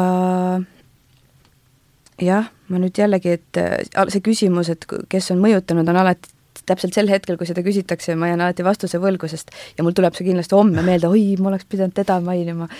ka praegu on see hetk, kus, kus ma, kus ma jään nagu Johnny Mitchell on ju absoluutselt jah, tema, tema tuleb mul kohe alati pähe siis, kui küsitakse. jah, The Both Sides Now on jah, jah, jah. väga lugu. see on mulle ka meeldinud. sulle? ütleme autorilaulu, kes äh, palju no äh, autorilaul, no tõsi on see, et ma ise olen ikkagi liikunud rohkem äh, sinna klassikalise muusika ja, peale, et aga, aga ütleme, kui me räägime autorilaulust, et, et, et, et, et mm, et siis ütleme jah, et kui üldse mingisugust muud žanri peale klassikalise muusika, siis ma pean tunnistama, et mulle ka on väga hingelähedane just see, mis ütleme, Mari isegi teeb, et, et see nagu teatav heas mõttes nõrkus selle sellise õrna kitarri mm -hmm. sõrmitsemise ja, ja, ja laulu, laulu suhtes on, on, on mul siiani, kahjuks ma ise kitarri ei, ei mängi, aga aga et kas või siitsamast Eesti, Eestimaalt on minule olnud hingelähedased Mart Johansoni laulud mm, -hmm. et, et miks ma ütlen Mart, et noh, tegelikult üldse Johansonide tegevus, aga aga lihtsalt, aga lihtsalt, et mul mingisugune eriline side on olnud just nende Mardi lauludega, et neid ei ole ju väga palju ja kunagi, kui see Jaak Johansoniga vesteldud ka, et siis ta just nagu ütles, et et ega Mart ei kirjutagi siis, kui tal nii-öelda noh, ta ei kirjuta nagu sunni peale või mm. kuidagi ja siis ma mäletan, et ma, mus endas just siis, kui algas selline mm, noh, ütleme, ma läksin heliloomingut õppima Muusikaakadeemiasse ja õpetaja Tõnu Kõrvits ütles, et et, et miks sa nüüd arvad, et sa erined viiulimängijast, kes iga päev oma pilli harjutab, et, et sina pead samuti iga päev tööd tegema ja, ja ma väga austan seda tegelikult, seda mõtet, et klassikalises heliloomingus see nii on, ongi. aga et siis mingi hetk ma nagu kuidagi ikkagi tekivad ju segadused meil kõigil inimestena oma, oma eluvalikutes ja asjades, et et, et siis vahepeal, kui tundsid ennast kuidagi tühjana või niimoodi korraks nagu mõtlesid, et see, et kuidagi mõtlesin Mart Johansoni peale just, et, et kui puhas püsib muusika siis, kui sa seda nagu ei sunni või et sa kirjutadki võib-olla vähe, et ainult paar laulu, aga kas külm on Mardil? Äh, jah, külm ja ole. ammu ja ja. ja siis on tal üks, kas Palve on nimi või et üks väga ilus, ilus, ilus tahan koju, jah. tahan koju, et, et, et hästi minu meelest ilus meloodiameister ja, ja selline puh-, puha, puhta südametulega kirjutatud muusika, et et aga ka tegelikult Jaagu enda laulud minu meelest mm. ikkagi, minule väga meeldib see, kui see hommik on liiga selge mm., see Põhja-Vahemäng selliselt nagu kassetilt kunagi noorena sai mm. palju kuulatud. et ja kuidas oli see lugu? minu meelest oli, kui see hommik on liiga selge. ja jällegi tema tekstid ka ja kuidagi see mm. see on, mis on sellise autorilauliku, ma arvan, noh, seesama, millest ma alguses rääkisin, et see selline natuke nagu üksikuks olemine, aga et ühtepidi on alati see selline igatsus äh, teha kellegagi koos midagi, võib-olla ka seda noh, nii-öelda ühel hetkel hakkab nagu igav oma selle kita-, seda kitarri kuulates, siis sinna midagi juurde lisada, minna nagu laiemaks ja ja kuni võib-olla lausa selleni välja, et sul ongi bänd taga ja aga et oled sa bändiga teinud ka midagi? mul on olnud küll selliseid su-, suuremaid seltskondi või suuremat äh, koosseisu, kellega ma ikkagi, see on alati väga selline äh, Äh, minu jaoks äh, noh, on, on seda, see kuidagi inspireeriv, kui ma saan laval toetuda teistele muusikutele ja kuulda oma lugusid hoopis teistsuguse nagu värvidega, on ju. Mhm. ja samas ikkagi lõpuks sa jõuad sinna tagasi, et see kitarr ja see, kuidas see, et mulle tundub, et seal, et sellise autorilaulu puhul see alguspunkt ongi nagu see, et noh, hästi oluline see, kuidas need laulud on sündinud, täpselt see hetk, kuidas nad on sündinud, mingis mõttes ongi see, mis on nende on see nende laulude või selle loomingu puhul selline see lõpuks see kõige nagu ausam või et mm -hmm. samamoodi kui, ma ei tea, kui Johansonid, Johansonid on küll suurem, nad on ju kogu pere, noh, pere on ju, ja see ongi hoopiski rikkam, kõik need, kui need kõik need kitarrid koos mängivad mm, -hmm. aga kui sinna panna nüüd nagu mingid trummid taha või kuidagi seda hakata värvima mingite, siis ta ei ole nagu äh, et kuidagi ikkagi see lõpuks, ma ise ka av alati avastan, et kui ma kuulan kedagi, kes on noh, just see, et ta tuleb oma kitarriga ja, ja laulab oma laulu, siis minu jaoks lõpuks on see alati kõige liigutavam, kuigi ma ise tean seda kõhklust enda sees, et ma ei tea, kas kas see võib ikka jube igav olla, kui ma oma seda kitarri mängin ja laulan seda oma laulu, et see, kas see on siis ikka nagu meil on isegi jah, Mariga kunagi olnud vestlus sel teemal, kui Mari siin midagi vist tõesti siis nii-öelda bändiga tegi, et siis mina, mina julgesin sulle öelda, et minu meelest äh, Äh, no et ära unusta seda, et see üksik hääl ja kitarr on kokkuvõttes asendamatu, et, et see bänd sulle tundub, et annab midagi juurde, aga, aga näiteks minu jaoks kuulajana näiteks ei, mitte võib-olla üleliia, et et äh, aga see, aga tahtsin mainida siis veel, et kui, kui juba oli see küsimus, et keda, et siis sama nimi, kes siit ka läbi on jooksnud, Kristjan Üksküla, kes on nagu meie, meie vanune, et, et ka Kristjani nendes lauludes mina kuulen nagu noh, üldse heliloomingus taoline mõiste on minu meelest ilus, et noh, nii-öelda oma ilm või oma maailm, et minu meelest Maril on oma ilm, Kristjanil on oma ilm, Mart Johansonil on oma ilm, aga ka Brahmsil ja Tšaikovskil on oma ilm, et, et, et, et, et, et, et taoline nähtus nagu heliloomingus üldiselt on minu meelest hästi huvitav, kus sa nagu ja kokkuvõttes ega seda nagu ära ei sõnastagi, et need muusikalised ju äh, Äh, valikud kõigil on, on needsamad, ütleme mm., äh, arvsuhete tasandil ja, ja niimoodi, aga, aga et, et kellelgi on nagu äh, oma, oma, oma, oma selline oma ilm sama ju ka luules, et sa, et sa peaaegu tunned nagu selle vaimu lõhna, et mm, -hmm. et, et kui seda vaimu isegi meie seas enam ei ole, on ju, et ma tunnen ära, et aa, nüüd on Sibelius või et piisab võib-olla mõnest taktist, aa, et see on Ravel või või, või Tšaikovski, et sellel on nii isiklik ainuomane aroom nagu, et ja siis, kui need inimesed veel elavad siin meie keskel et siis on ka, ma arvan, kuidagi nii, et, et eks kui me suhtleme omavahel inimestena, siis ilmselt see on selline argiruum, aga, aga, aga nende ka elavate heliloojate loomingus see oma ilm on minu meelest huvitav nähtus, et ka minul näiteks väga selgelt minu meelest oma erialaõpetajal Tõnu Kõrvitsal on väga selge oma ilm, et sa lihtsalt nagu reedelgi tahan minna kuulama tema, kutsuks üles kuulama Äh, tema teost Nocturanus siin äh, hilisõhtul äh, Estonia kontserdisaalis. see eelkontsert on kell kaheksa, aga kontsert hakkab kell üheksa, et väga omapärane teos, mille ta on kirjutanud kongidele ja keelpilliorkestrile sellise meditatiivse teose. et ma arvan, ma ise olen ainult sellest proovi tegelikult kunagi kuulnud, et tahakski nüüd tervikuna kuulata, aga et et kellel on soovi Tõnu Kõrvitsa sellist lõhna tunda, siis ma arvan, mm. see teos peaks seda väljendama päris kenasti. et, et, et jah.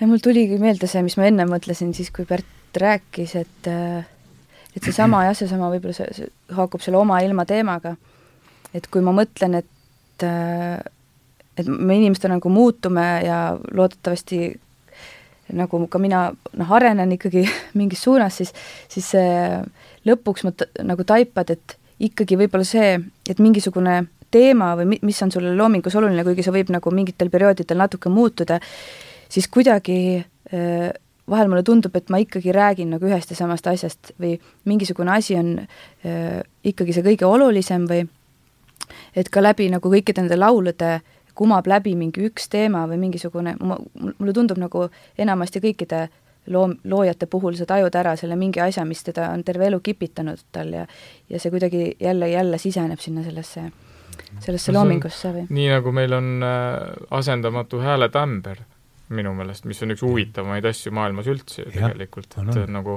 asendamatu, et näiteks ma mäletan jällegi, kui mm. seesama Jaak Johanson näiteks lahkus, on ju, siit ilmast mm. või niimoodi ja tuli mõni raadiosaade, kus ta rääkis või et sa lihtsalt kuuled kümme sekundit tema häält ja, ja see mm. vaim on kohal või kuidagi, või see selline et min-, ühesõnaga, et mulle tundub, et see, see, millest sa räägid, ma tajun sedasama, ise ka üritan areneda muudkui ja avarduda, aga samas tajun ja vahel heidetakse ka ette, et noh, et, et kõik on sul nii sarnane, kõik nagu üks, üks, üks, üks lugu, on ju, aga samas ma nagu jah, loomulikult äh, on oluline loojana areneda ja, ja värve, värvipaletti avardada, aga samas on minu meelest sama oluline siiski see mm. oma ilm, mis ei ole ül-, ühesõnaga, mis ei ole üldse väheoluline, et, et, et kui, kui vaadata samas nagu äh, Äh, natuke kriitilise pilguga, aga jah, sinna ma tegelikult ei lasku, aga, aga, aga jah, sinna ma ei lasku, see on üks teema, mida ma ei puuduta.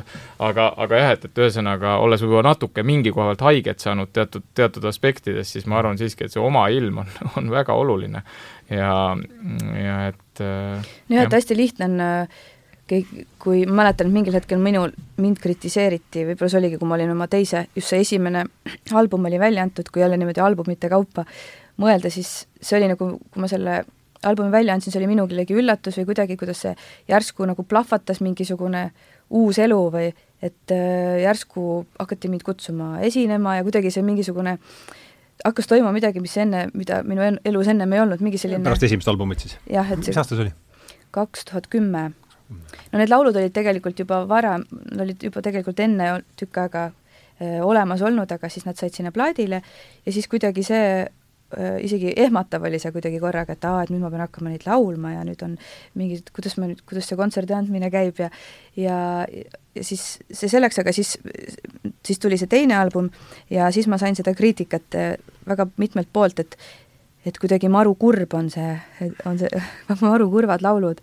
ja ma ise, oli see minu jaoks üllatus, jah, ma saan aru, et see tonaalsus ja võib-olla meloodiad ja on sellised nukrameelsed või mõtisklevad, aga ma üldse ei ole ainult mõelnud neist kui kurbadest lauludest, ma ei ol-, mulle tundus nagu, et ma ei räägi millestki kurvast, vaid lihtsalt võib-olla, võib-olla see keel on selline või oli jah, tol hetkel ma kuidagi niimoodi ja siis, siis, siis, siis ma tean, et ma hakkasin kuidagi hästi teadlikult, mingil perioodil hakkasin proovima lõbusaid laule kirjutada, siis ma sain aru, et see on nüüd ka väga vale tee, kui ma hakkan ennast sundima tegema Vabandust. midagi, kui see ei tule loomulikult mm, on -hmm. ju, see võib tulla ka väga ju, jah, ühel hetkel ma arvan, et edaspidi on mul sündinud väga palju hoopis äh, teistmoodi laule, võib-olla läinud kaugemale sellisest nukrameelsust ja hoopis mingit rütmi on tekkinud võib-olla lauludesse rohkem, aga aga mäletan jah ühte konkreetset hetke, kus ma sundisin ennast rõõmsaid laule kirjutama ja sain aru, et see on nüüd sellepärast, et, et mul oli nagu midagi ette heidetud natuke või noh, kritiseeritud, et siis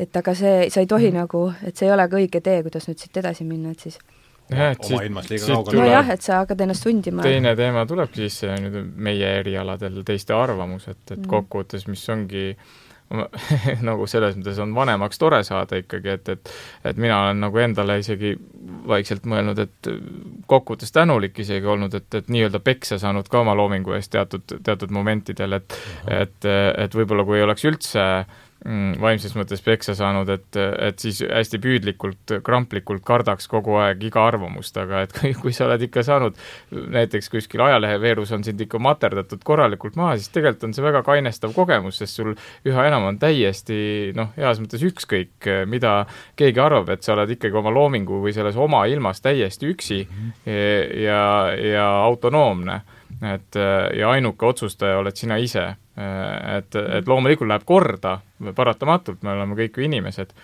aga samas, et, et, et vähemalt ise olen üritanud kasvatada endas nagu seda autonoomsust, et et eks vahepeal aitavad ka sellised mõtted nii-öelda, et et elu, elu ajalikkus teeb mind küll väga kurvaks, aga samas vabastav on see, et noh, selles mõttes vähem või rohkem on see kõik mäng, et et ei meid kedagi siin saja aasta pärast ilmselt ei ole, on ju, et, et, et keegi, mida keegi arvab, seda, selle, see, see ei ole nii oluline, et oluline on pigem see, et nii kaua, kui ma siin olen, mhm. et ma, et mu süda oleks sada protsenti puhas, et, et siis ma olen nagu endale öelnud, et ma kirjutaks nii-öelda nagu otse taevasse. et ma ei kirjutaks nagu selles osas äh, mingisuguste arvamuste huvides Äh, vaid et, et selline lihtsalt see minu oma ilm on, mingil põhjusel kellegi jaoks võib see olla, ma ei tea, banaalne, kellegi jaoks igav, äh, kellegi mm. jaoks ka väga kirgas, äh, et aga peaasi on see ausus iseenda suhtes, et, mhm. et see kirgastaks mind ennast mm. -hmm. ja, ja, ja, ja et need jäljed ma tahaks nagu maha jätta ja see, mis nendest siis saab või ei saa, see, see ei ole ka noh, kokkuvõttes ei ole äh, ei ole ka ju oluline, et, et aga et see südame puhtus vähemalt minule mm. on nagu hästi oluline olnud. ja mina tunnen ka, et see, et äh, lõppkokkuvõttes sa pead saama nagu, ma ei tea, iga laulule ma tunnen, et ma pean saama nagu verega alla kirjutada, et see on see, mida ma, millesse ma usun, et ma olen nende sõnade taga ja nende, nende nootide taga ja, ja sellest tegelikult nagu võikski piisata, noh, minu, et äh, võib-olla mitte kõigi jaoks, aga, aga vähemasti ma tunnen, et ma olen saanud, nagu sinagi ütlesid, et see vaata, see on veel üks huvitav asi minu meelest nagu, et äh, et tegelikult jaa, okei okay,, räägime, et oma ilm, aga samas äh, mingis mõttes on võimalik ka tajuda, et et sa loojana oled see esimene vastuvõtja sellele, mis, mis su juurde ilmub. ja sa kuuled esimesena seda. ja kui see meeldib endale mingil põhjusel, mingil seletamatul põhjusel selles on mingisugune magnet või, või vägi või mis, mis tõmbab enda poole, sa tahad olla sellega seotud, siis on suur tõenäosus, et kellelegi, kellelegi on see veel mõistetav. Mm.. selles mõttes, et mitte kõigile, kindlasti mitte kõigile, aga ke-, kellelgi, kellel on nagu mingi natuke sarnasem kood sinu endaga, tekitab ilmselt selles mõttes nagu sarnaseid tundeid. et selles mõttes on minu arust väga oluline olla nagu eh, noh, nende iseendas tekkinud tunnete vastu aus. -hmm. et, et või vähemalt mind on see kuidagi niimoodi ja mina olen ka seda, olengi kogenud, et tegelikult lõpuks sa saad ju rääkida ainult enda lugu, ma võin võin tsiteerida teisi või ma võin nagu lugeda teiste mõtteid ja siis äh, neid kellelegi edastada, on ju äh,, aga kui ma neid nagu kuidagi läbi ei tunneta, kui ma mhm. neid, kui ma neid ise kuidagi ei ole kogenud, siis, siis on need lihtsalt nagu noh, kellegi teise tsitaat, aga et et ma saan väljendada seda, mida ma olen täielikult läbi tundnud ja see on ikkagi, saan nagu ikkagi lõpuks ainult enda kogemust ja et kui ma seda ei usalda või kui ma seda siis ei tee, siis, siis ei ole nagu sellel erilist väärtust või ma ise tean ka, et ma olen alati saanud kõige suurema liigutuse sellest, kui keegi räägib oma lugu ja ma saan aru, et see on, see on tal nii isiklik, see on nii nagu läbi tunnetatud, isegi kui ma noh, et see ikkagi kellegi teise lugu, see, kui see on nagu päris, siis ta läheb mulle ka korda, kuigi see ei ole ju minu lugu, aga et äh, lõpuks me oleme jah, me oleme, nagu sa ütlesid, ka erinevad ja ikkagi midagi on sellist äh, Äh, mis, mida me kõik saame võib-olla ühtemoodi tajuda, kui see on selline äh, hästi, hästi isiklik või? nojah, ja need ütleme, need suurte luuletajate ja laululoojate sõnad ja nüüd need annavad jälle kellelegi teisele selle mm., eks selle mingi no vormi, kuhu tema saab oma need. Segaduse valada ja kuidagi seeläbi. absoluutselt, kui mm. ennem sellest luulest rääkisime, et kui keegi kirjutab kas või neli rida ja ta ütleb sellega ära midagi, mis mis mul korraga minu jaoks teeb midagi nii palju selgemaks, mhm. kuigi see on kellegi teise kirja pandud äh, mõte või tunne, siis, siis ometigi see on juba mind aidanud, ta on juba ja. midagi minus muutunud ja ja sellest ju, see on ju nagu väga suur asi.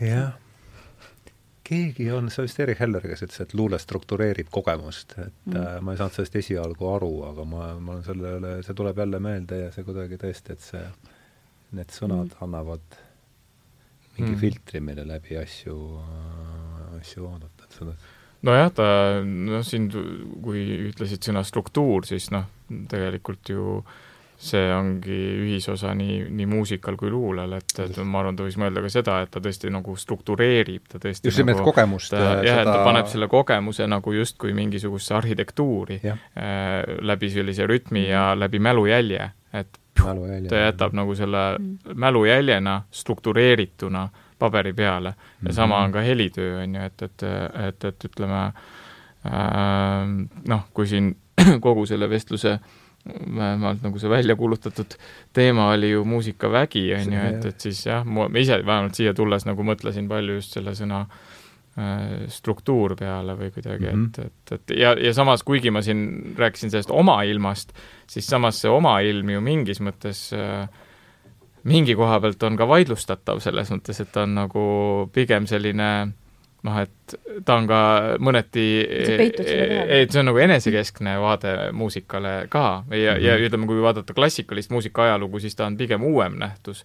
et kui minna nagu vana muusikasse, et siis tegelikult on ju olnud püüd vastupidi, väljendada midagi universaalset mm., väljendada nagu kosmose korda ja struktuuri. see tuleb romani-. et, et kui Palestriina näiteks äh, selline koorimuusika võtta, võtta või madalmaade polüfoonia, selline kompositsioonitehniline vaatenurk muusikale on nagu täiuslik struktuur ja vastupidi, väga raske on sealt leida üles mõneti seda oma ilma, et see oma ilm tänasel päeval on pigem nagu ajastu ilm või et, et kui ma kuulen teatud stiilis muusikat, siis Saika ma tunnen ära, et see on nagu see Palestriina, aga samas see võib olla ka Victoria või Toomas Tallis või et mm -hmm. teatud see ajastu nagu, et mm -hmm. ma mhm. tunnen selle kompositsioonitehnika ära, aga, aga ta ei mõju isiklikult, aga ta ei peagi mõjuma. et just, mhm. et see asja eesmärk ei olegi olla isiklik, vaid asja eesmärk on olla mhm. jumalik. et, et selles mõttes noh, ütleme, sellele ma olen ka siin viimasel ajal lihtsalt ise palju mõelnud mm, -hmm. et, et see on mind ka nagu huvitanud iseenesest ja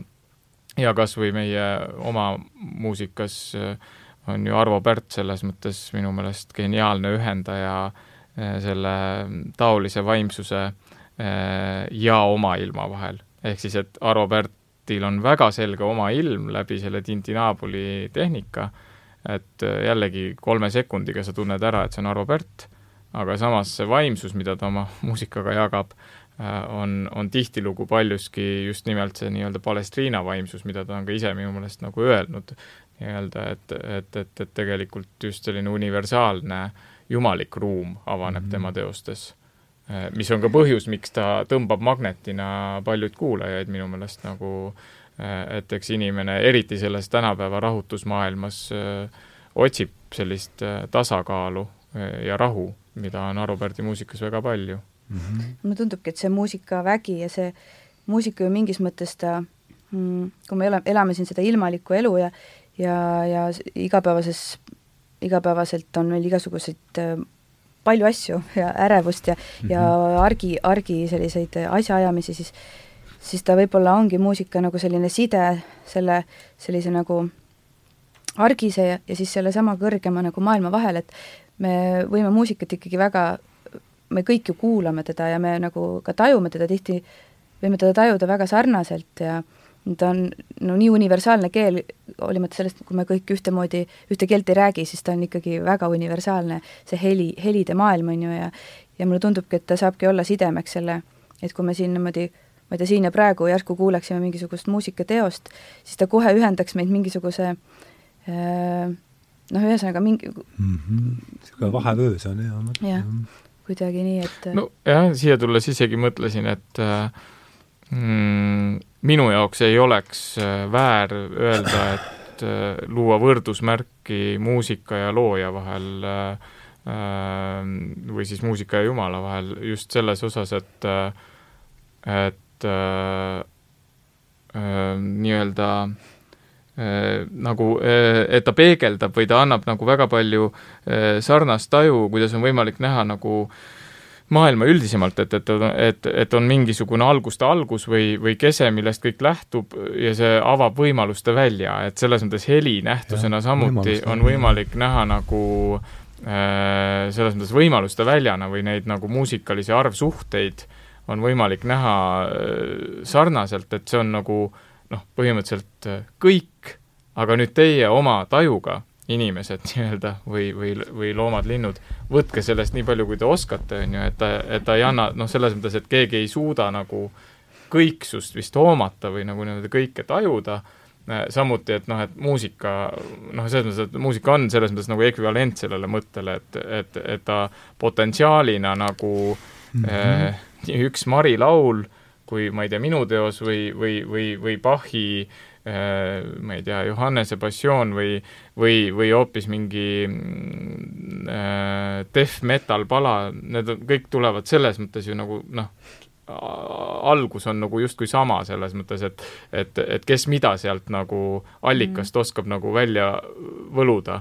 et, et see potentsiaal on üks et, et selles mõttes minule meeldib taoline definitsioon muusikale. võimaluste väli on väga jah. no võimaluste väli ja, ja, ja keegi on öelnud, et, et, et muusika on helide struktureeritud aeg ja minu meelest see on mm -hmm. selles mõttes geniaalne definitsioon, et siis kaovad ära sellised mõist-, on... et, et, muusika on helides struktureeritud aeg. et ehk siis, et, et siis kaovad ära sellised nagu hinnangulisused, et, et, et kuulge, see on ju täielik jama. Te saate ju kõik aru, et see lugu on ju jama, aga see on sinu jaoks võib-olla jama, minu jaoks ei ole jama. et, et, et igal juhul, mis on nagu ühtne, on see, et alguspunkt on sama. keegi ütleb läks mm., siis me kuulame äh,, mis valikud, mis valikuid keegi on teinud, ütleme, kui see on inimese poolt kirja pandud muusika või grupeeringu poolt kirja pandud muusika, siis keegi on teinud ju mingid valikud. kas ta on sel ajal olnud äh, ekstaatilises seisundis või, või mis tahes seisundis, see, selles mõttes ei ole oluline, see valik on mingil põhjusel tehtud äh,, et esimene sekund või esimesed kaks sekundit on täidetud täpselt niimoodi mm, -hmm. nagu seda aega helilises mõttes. ja siis mingi hetk on noh, noodipaberil kaks kriipsu või siis, või siis lihtsalt pala saab läbi, on ju. ja täpselt see, mis sinna kahe A ja B punkti vahele jääb, et, et see, et see on siis nii-öelda teos või, või, või, või siis jah, et, et helitöö mm. -hmm. et ja siis on juba tõesti nagu maitse asi, et jah, helide struktureeritud aeg on täitsa seda küll, et minu meelest rohkem kui millegi muuga on võimalik, noh, kui niimoodi tahta siia ja praegu hetke kuidagi niimoodi kohale tulla, siis tihtipeale minu arust muusika või heli üldse aitab seda palju paremini teha kui näiteks, ma ei tea, kui näiteks lugeda midagi või see, et see kindlasti mulle tundub, et selline kõrvade maailm, see, mida me kuuleme kõrvadega äh,, isegi kui me silmade kaudu saame rohkem informatsiooni vist te teadlikult või te teaduslikult on vist niimoodi tõestatud, siis, siis, siis, siis mulle tundub, et ma ise lihtsalt jällegi olen kogenud seda, et kui ma mõtlen, ma ei tea, kas või näiteks olles püüdnud mingil hetkel praktiseerida, ma ei tea, mediteerimist, siis siis minu jaoks kõige lihtsam variant selleks oli see, et keskenduda lihtsalt helidele, mida ma kuulen. kui ma üritan keskenduda, ma ei tea, oma mõtetele, siis mul läheb see üsna kiiresti, kaon ära või, või, või kui ma üritan keskenduda, mida ma näen, siis samamoodi, aga aga minu jaoks kõige lihtsam variant selleks oli keskenduda sellele, mida ma kuulen mm. ja, ja siia praegu tulla oli see kõige lihtsam kuidagi niipidi ja samamoodi ka proovides mitte nagu eh, hinnangut anda, näiteks kui ma mõtlen koduses olukorras, kui, kui lapsed, kui hästi palju lärmi on, lapsed karjuvad ja hmm. ja kõike on ülipalju mis, kui vanad nad on? Nad on äh, neli ja, ja kaheksased on kaksikud. Neid on kolm tükki ja kui nad koos midagi seal teevad, on ju, siis see tihtipeale on päris vali.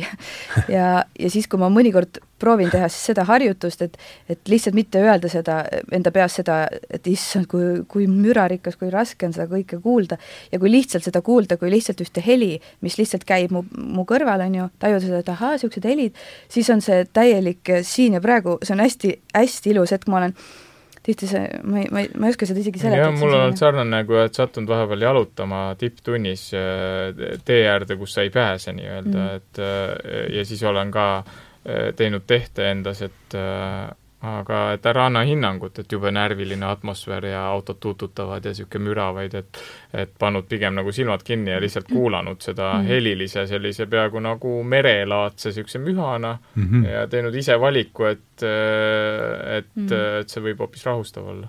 minu arust on see niisugused, siis ma olen alati nagu jõudnud selleni, et need on nagu sellised elus olemise hääled, ma saan aru, et ahah, ma olen elus, siis ma kuulan selliseid hääli, need on nagu et äh, ma ei tea, mis saab pärast seda, kui ma, kui ma enam elus ei ole, aga et siin ja praegu see kõik käib nagu selle elu, elu juurde ja, ja et jah, kusjuures selles mõttes see jutt haakub päris kenasti, et, et ka see mõiste helide struktureeritud aeg, kui ma ei eksi, siis minu meelest on see tulnud sellest Ameerika selliselt modernistilt nagu John Cage'ilt, kes, kes -hmm. oligi just nagu tuntud selle poolest, et, et avas nagu inimeste vaateid sellele, et, et kõik on muusika.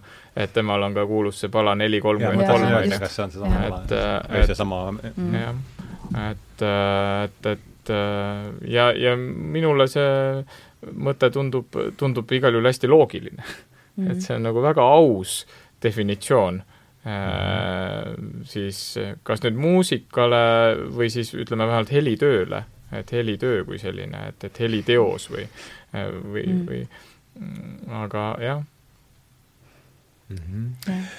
no nüüd me oleme siin tund kakskümmend juba, vaata et poolteist tundi on, oleme juba siin koos viibinud, nüüd mm -hmm. aeg-ajalt mõtlema sellele, et see tuleb, ühel hetkel saab jutamine ka läbi, et me peame mm -hmm. võiks teemani võiks teemani jõuda, et oleme ennast soojaks rääkinud, et kus see, mis on muusikavägi ja mm -hmm. ja kust ta tuleb äh,? Mulle, ma, ma arvan, et seda kuidagi nagu, ma ei tea, võib-olla Pärt kes on ikkagi eh, õppinud eh, ja harit-, haritud, haritud muusik, aga mulle lihtsalt tundub, et see, mina saan lihtsalt rääkida puhtalt sellisest väga tunnetuslikul tasandil ja, ja nagu et eh, ma arvan, ma lihtsalt olen kogenud niisuguseid hetki küll, kus ma saan aru, et nüüd sünnib midagi sellist, ma tihti ikkagi mitte ise võib-olla esitades, aga just kuul-, kuulates muusikat või kontserdil viibides või isegi võib-olla kõige rohkem sellises noor, nooremas Eh, elueas, kui võib-olla sai kooris veel lauldud, eh, siis niisugused hetked, kus sa järsku tabad, et sa oled nüüd selles hetkes, see, ma kuulan seda muusikat ja ja selles on nagu mingi selline, mul on niisugune tunne, et ma nüüd, et see, see nagu päästab, päästab mu elu või kuidagi nii, et ah, ta on, et ta, et see on nagu nii suur just teistega koos lauldes siis? ma arvan küll, et, et ma olen tihti, mulle tundub, et ka muusikas see isegi ju, kui ma loen oma laule üksi, siis, siis need laulud ikkagi lõpuks seal publiku ees äh, saavad nad nagu selles mõttes elavaks või ma saan, kuulen ka neid ise hoopis teistmoodi, kui et ma mhm. neid kodus laulan, on ju, et mulle tundub, et see aspekt äh, teha, teha see muusika nagu selline, mis, ta võiks nagu ühendada inimesi ühel või teisel moel, on äh, oluline ja mida, ja ma, mulle tundub ka see, et kui seda et me saame noh, sellest kuidagi saame seal nagu kokku muusikas, et see on nagu ilus ja, ja ma arvan jah, et kui kooris, koorilaagrites sai laulud, ma arvan, et neid niisuguseid väega hetki sai seal hästi palju kogetud. sest siis ei olnud nagu piire, ei olnud sul nagu mingeid selliseid, et sa ei analüüsinud kuidagi neid hetki niimoodi või, või ei mõelnudki neist nagu kaugemale, et et ma mäletan ühte hetke küll, kui kui ma enam äh, EKNS-is äh, ei laulnud ja siis läksin sinna nagu vilistlasena ühe, ühte laagrisse, see võis jällegi olla Vana-Vigala laager, ja sattusin siis lihtsalt ühte proovi vaatama ja ja see koor laulis ja Taavi Esko juhatas ja, ja ma sain aru, et, et ma nagu olen seal distantsil, ma ei saa, ma ei pääse sinna nagu sisse enam. ja, ja ma mäletan, et see oli, aga see oli nii liigutav hetk mu jaoks, mulle tundus, et, et ma et ma nagu kogu oma elu tahan otsida sedasama kogemust, mida, mida mina olen sealt saanud ja kuidas ma nüüd seda kõrvalt näen, kuidas ma saan seda teistele pakkuda või kuidas ma saan, et no ühesõnaga ikkagi nagu armastus, täielik armastus, mida sa oled sealt kogenud ja kuidas ma seda saan nüüd e, teistega jagada ja ja üsna pea ma jäin siis lapseootele ja mulle tundus, et kui ma mäletan, et kui ma ühel hetkel sain teada, et ma olen emaks saamas ja veel minu e, siis kõhus oli kaks inimest, siis, siis mulle tundus, et nüüd see on minu võimalus seda kõike, mis minule on nagu senimaani antud või mida mina olen võimalik kogema väga paljuski ka tänu, tänu muusikale just, saan ma nüüd edasi anda. et mulle tundub, et see muusika küll minu jaoks on väga palju avardanud armastuse mõistet või hmm. Hmm. no mina jääks oma sellise kergelt religioosse taju juurde, et siiagi tulles äh, meenus äh, sest sinu päralt on riik ja vägi ja au, et, et see vägi ei saa kusagilt mujalt nagu selles mõttes tulla, et vähemalt minu, minu maailmavaates, et, et ja, ja tõesti, et et tihti iseenda, enda pärast, enda puhul tegelenud selle teemaga, et mis siis on igavene ja mis on ajalik, ja saanud aru, et kas ma tahan või ei taha, siis ma olen ajalik, mis mulle nagu nii-öelda puhtinimlikult nagu morjendab mind ja on väga raske sellega leppida, et aga siis on nagu huvitav, huvitav otsida pidepunkti igavesega, et, et siis lihtsalt heli on igavene. Mm.. et heli, isegi kui ta ei ole kuulda, on igavene. ehk siis matemaatika on igavene ehk siis, et, et need arvsuhted ju ei muutu. võnge, mis eh, no jah, et, et üks pluss üks on, on, on ju ikka kaks ja ja, ja et mat-, et me, me, ühesõnaga ma olen jõudnud üha enam nagu selles mõttes hästi austama hakanud matemaatikat, kuigi ma ei ole ise üldse tugev matemaatikas, aga aga noh, jällegi, et ka Arvo Pärt on näiteks öelnud, et kõik on arv.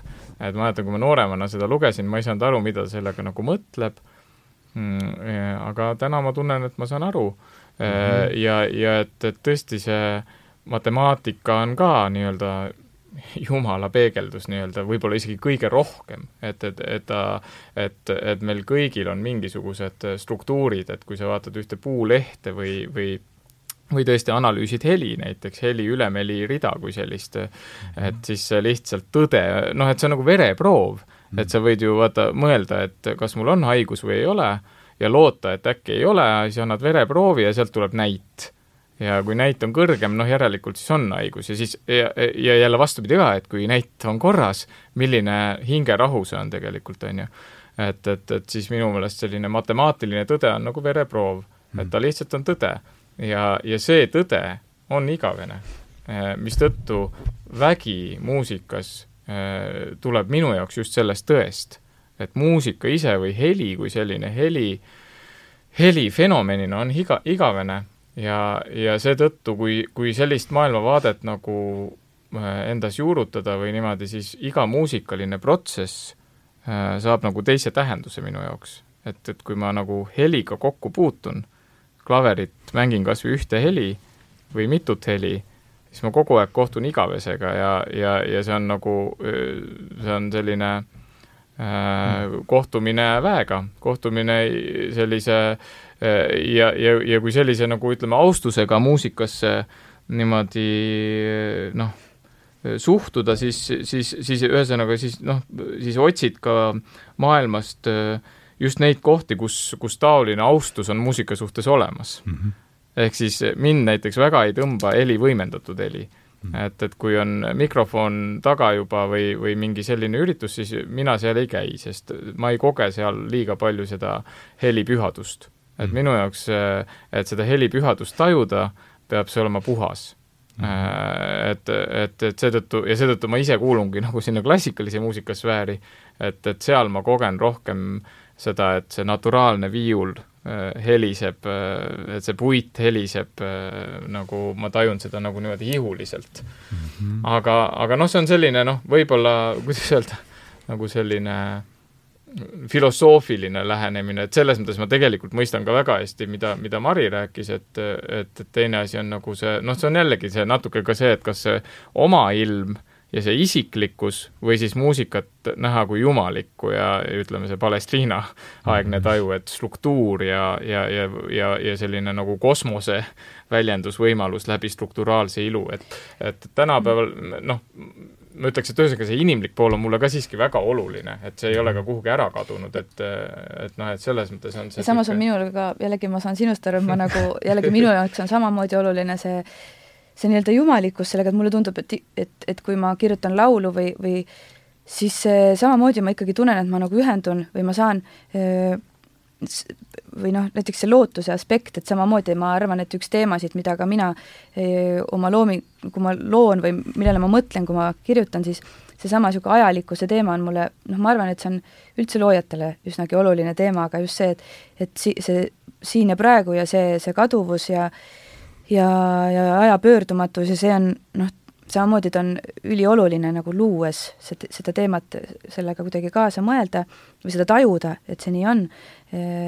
ja mulle tundub, et kui ma siis kirjutan laulu, siis ma, et see mingisugune lootus on alati üks teema, mida ma nagu mis käib kõigi, kõikide nende asjadega, ükskõik mida ma parasjagu väljendan, aga aga see, et ükski asi ei ole lihtsalt kuidagi kurb või rõõmus, vaid see on midagi rohkemat, noh, et see, et äh, kõiges on äh, kõike nagu natukene ja -hmm. jah.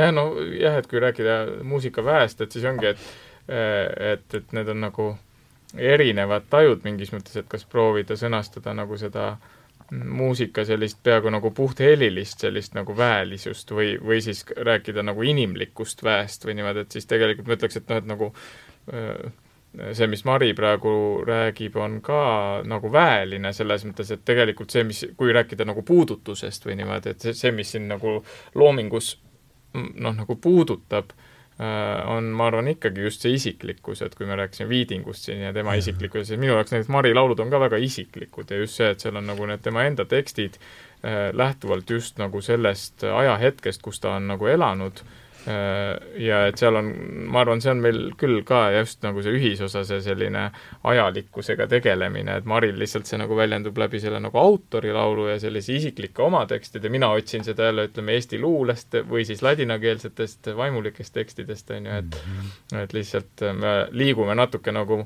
erinevatel noh, radadel äh, muusika esteetikas nii-öelda, aga, aga, aga, aga samas jah. ja samas jällegi, kui ma sinu muusikat kuulan või olen nagu mm. kuulnud, siis, siis jällegi noh, jällegi ma nagu tajun seal mingisugust noh, ongi see sedasama, millest sa räägid, mida sa muusikas otsid, et need on alati olnud väga-väga äh, vägevad, väge, väge täis ja, ja liigutavad, liigutavad hetked elus, jällegi see mingi, ma nagu tajun, millega sina oled olnud äh, ühenduses ja kuidas see nagu jah kas teil on sellist kogemust olnud, et äh, mingi, mingit muusikapala kuulates jääb aeg, tunnete, et aeg jääb seisma, kas selline, äh, on teil sellist isiklikku kogemust, tuleb ette, kõige jaoks tajub erinevalt muidugi neid asju, aga mul lihtsalt tegelikult äh, isegi seiskub. kaks sellist kogemust vist on. mul on ka kaks, jah mm. et eks see on noh, mingis mõttes liialdud, liialdus öelda, et ta päris vist seisma jääb, aga üks oli no tunne on selline. aga tunne oli selline, oli, et kui sattus, et sain nagu nii-öelda esimest korda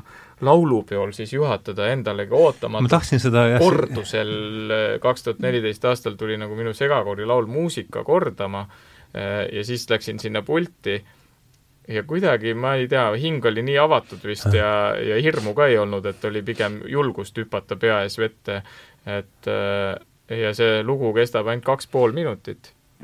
et, et aga et see tun-... ütle palun lugu, lugu.. muusika aga et, et, et see äh, tunne oli millegipärast selline, et nagu see oleks terve igaviku kestnud ja samas, kui see läbi sai, siis oli täpselt selline tunne, nagu see oleks olnud Mm -hmm. ja ma tulin sealt puldist alla ja ütlesin Kaspar Mändile, kes oli nagu ametlik dirigent sellel lool, et mis asi see oli, mis asi see oli või et ma olin nagu kuidagi niimoodi mm -hmm see on ikkagi mingi psü-, võetakse psühhedeelne, psühhedeelne kogemus küll, ikkagi jah, jah, ikkagi aga teine hoopis teistsugune on, on, on mõneti hoopiski nii-öelda kõrvaklappidest kuulatuna, et kui ma kuulasin mäletan, elasin veel Mustamäel seal Siili, Siili tänava no me oleme olnud naabrid siis korteris ja ja, ja mulle jah, väga on olnud hingelähedane Arvo Pärdi muusika, et, et ja juba siis, siis oli ja siis tema äh, tema kuulus teos äh, Tabula rasa ja selle nagu teine, teine osa Silentsium, et äh, et mis ongi muidugi vägagi kirjutatud nii, et ta mõjubki väga ajatuna, aga et, et, et tookord kuidagi selles eas ma olin vist kuidagi avatum, tänapäeval või täna, tänasel päeval ma paraku kuulan üsna analüütiliselt, et kuna ise ka helilooja ja niimoodi, et siis pigem raske on vahel võib-olla muusikasse sisse saada, et sa nagu teed kiired tehted ära, et mis see enam-vähem on, on ju, et, et seetõttu ma saangi tänasel päeval rohkem sisse teatrietenduste kaudu, et kus ma jäl-, jälgin pigem seda lugu ja siis see mhm. muusika tabab mind kuskil niimoodi, saadab foonina ja liigutab. aga jah, et see tabula rasa äh, minule mõjus kuidagi väga-väga isiklikult äh, niimoodi, et ma järsku hakkasin tajuma neid mm, liine, mis tal seal on, mis järjest nagu kaugenevad ja kaugenevad nagu oma kõige lähedasemate hingedena, et mul tekkis nagu mingi niisugune pilt, et see ja see oli nii nagu lõhestavalt kurb minu jaoks tegelikult, et nagu me järjest nagu kaugenesime niimoodi hmm. ja nagu läheks kosmosesse laiali niimoodi nagu lõputult järjest kaugemale, kaugemale, aga, aga et see noh, nii-öelda see teos viis mu nagu sellesse kogemusse hästi sügavalt sisse. et, et see oli, aga see oli nagu ilus kurbus, aga siiski nagu väga-väga kurb hmm aga, aga samas väga ajatult kurb, et ma nagu unustasin kõik muu selleks hetkeks, et mul ei olnud nagu enam mingit, et mis see kell on praegu või kuidagi, et ma olin lihtsalt selles Arvo Pärdi teoses nagu ära, ära hajunud, sinna silmad kinni, klapid peas, on ju, et seda ma mäletan kuidagi. Äh, ma arvan, et kui ma ka meenutan, ma arvan, neid on hetki on olnud rohkem või äh, aga et üks hetk tuleb kindlasti meelde jällegi nagu sellise hästi isiklikul äh, isiklikul tasandil, aga sinu teos, ütle mulle nüüd, mis selle pealkiri, aga see juba Aa, Õhtu ilu. ütleme ametlikult siis Kärt Johansoni Viis, aga Gert minu seade, ütleme. sinu seade, jah. aga see on esimene asi, mis tuleb Youtube'is, et äh... vist, jah. võib-olla küll, ühesõnaga minu, minul on sellega lihtsalt äh,, ma mäletan, kui, kui sedasama Pärdi seadet alles te kooriga harjutasite Muhu saarel. kas see oli Kärdi muusika või?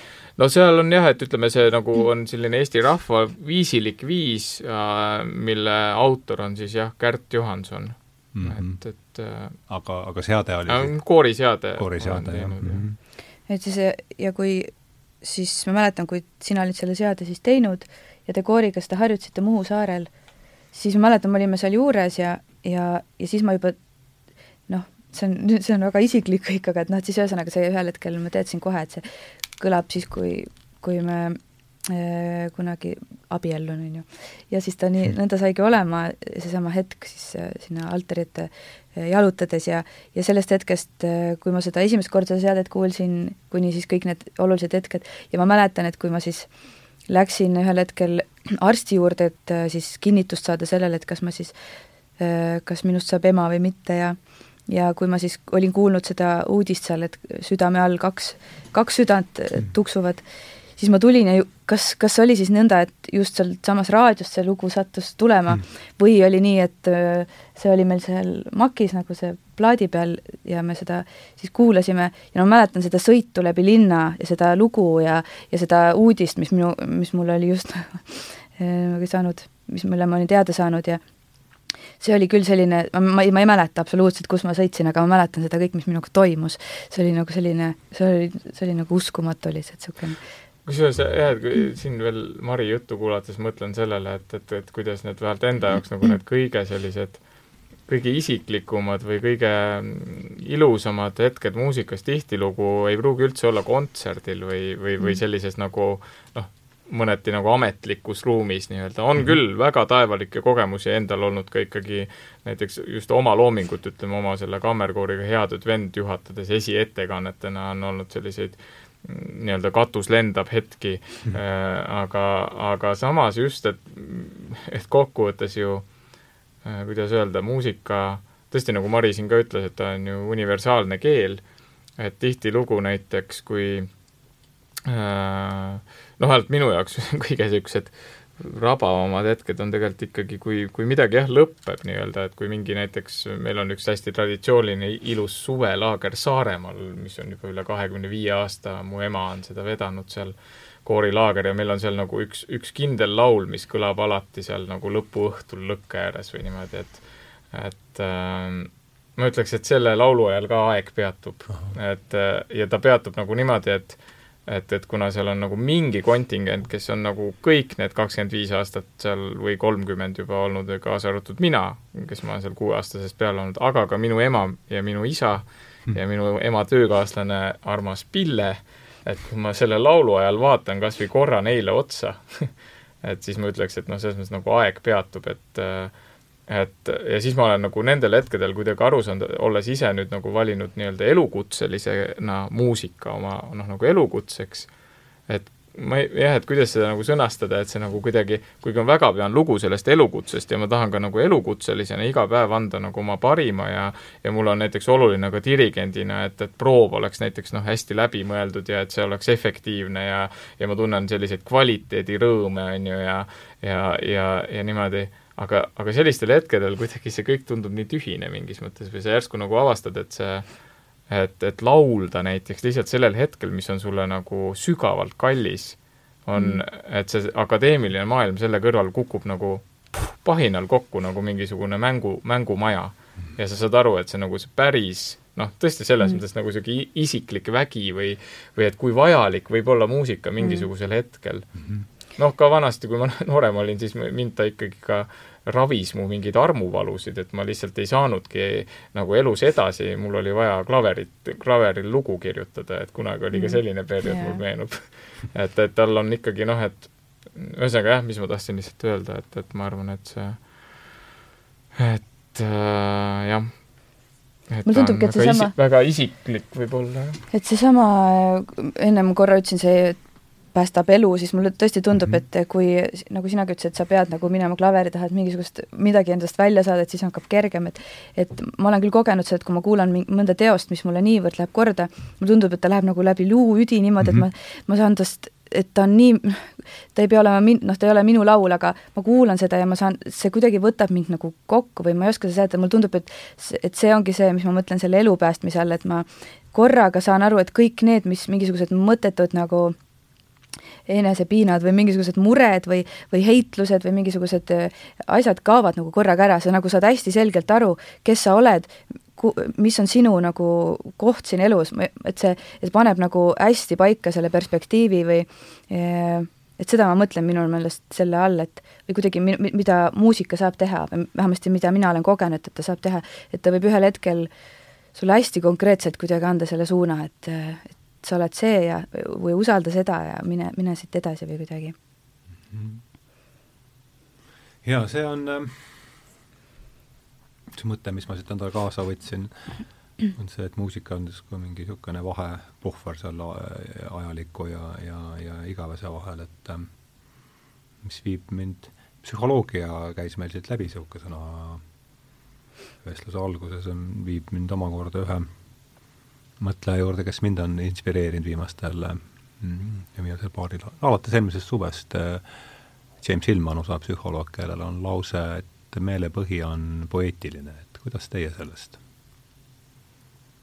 lausest mm., lausest aru saate no...? meie, meie, meie selle jutuajamise ja oma mm. elukogemuse taustal, et lihtsalt huvitav. no vaata, e, ma ei oska öelda, e, kuidas täpselt äh, aru saan, aga, aga resoneerun iga, jah, mis, mis assotsiatsioonid ta tekib? igal juhul jah, resoneerun selle sõnaga poeetiline et selles mõttes, et ma ise tunnen, et miks ma üldse tegelen nii-öelda kaunite kunstide vallas, on see, et mul on ikkagi tõsiseid raskusi argiruumiga, et, et, et, et ma vajan oma ellu poeetilist ruumi mm. -hmm. et, et see, et see on mu nagu mm -hmm. nii-öelda hingetoit, on ju, et, et ma kuigi muidugi, ka argiruumis on võimalik ju toimetada niimoodi keskendunult ja anda oma parim, aga, aga jah, ma olen mingitel hetkedel mõelnud, et aga mis oleks minu jaoks maailm, kui näiteks muusikat poleks olemas selles maailmas.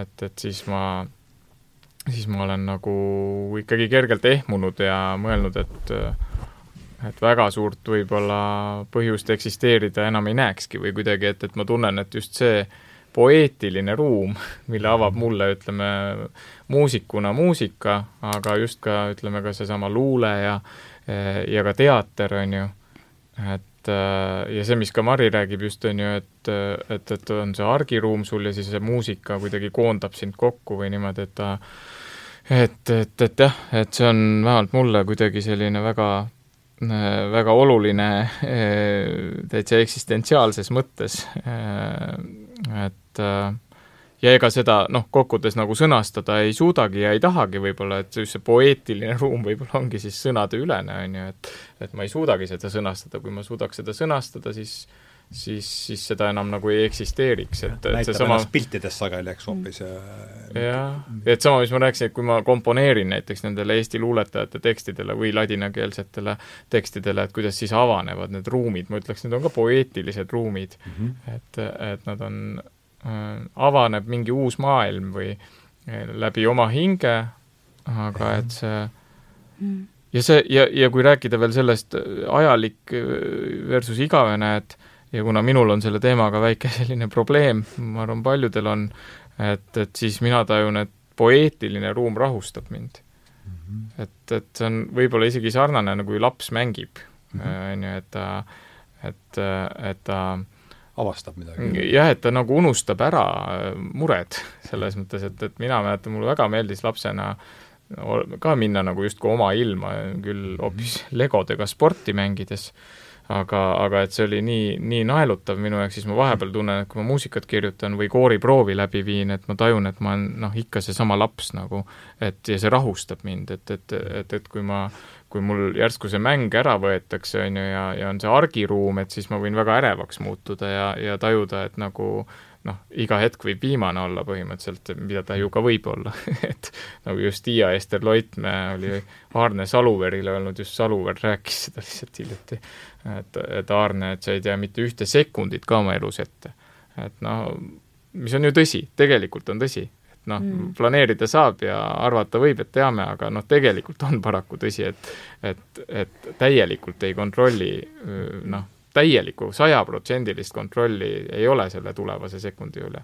et ja see võib väga ärevaks teha, aga siis see poeetiline ruum minu meelest rahustab. see ja. rahustab jah, ta on ja. nagu rahusti minu jaoks mm.. et mulle tundub ka, et ja kui see on lausa psühholoogi poolt välja öeldud lause, see tähendaks siis seda, et äh, mitte küll ülikooli psühholoogi päris. aga selles mõttes, et noh, et kui meie siin ka võib-olla igapäevaselt oma töös tegelemegi sellega, et me üritame noh, nagu mõtestada seda, mida me tunneme, mida me kogeme, seda kuidagi kirja panna, et siis, siis mulle tundub, et tõesti võib-olla ka universaalselt, kui inimene, ma ei tea, jalutab metsas või kui ta kõik selle võtab nagu need kihid maha, mis on sellised argiselt äh, peale, noh, ühesõnaga kogu, kõik see list, mida ta täna peab tegema, ja kui see korraks maha võtta ja ma ei tea, ta seisab mere ääres, siis mulle tundub, et see hetk on poeetiline nagu kõik, kõikide jaoks või see, kui sa korraks unustad selle ära või siin ja praegu hetk, kui sa korra seda vaatad, sa ei pea seda kirja panema või kuidagi isegi oskama sõnastada, mulle tundub, et see on nagu, et see, see on nagu poeetiline, et kui, kui just see, et see meeltepõhi on poeet, poeetiline. poeeti, meelepõhi on poeetiline. et siis siis mulle tõesti tundub, et äkki tõesti kuskil sügaval me tegelikult kõik öö, sellistel, nagu võtta kõik kihid maha, siis me, mm, siis me kuidagi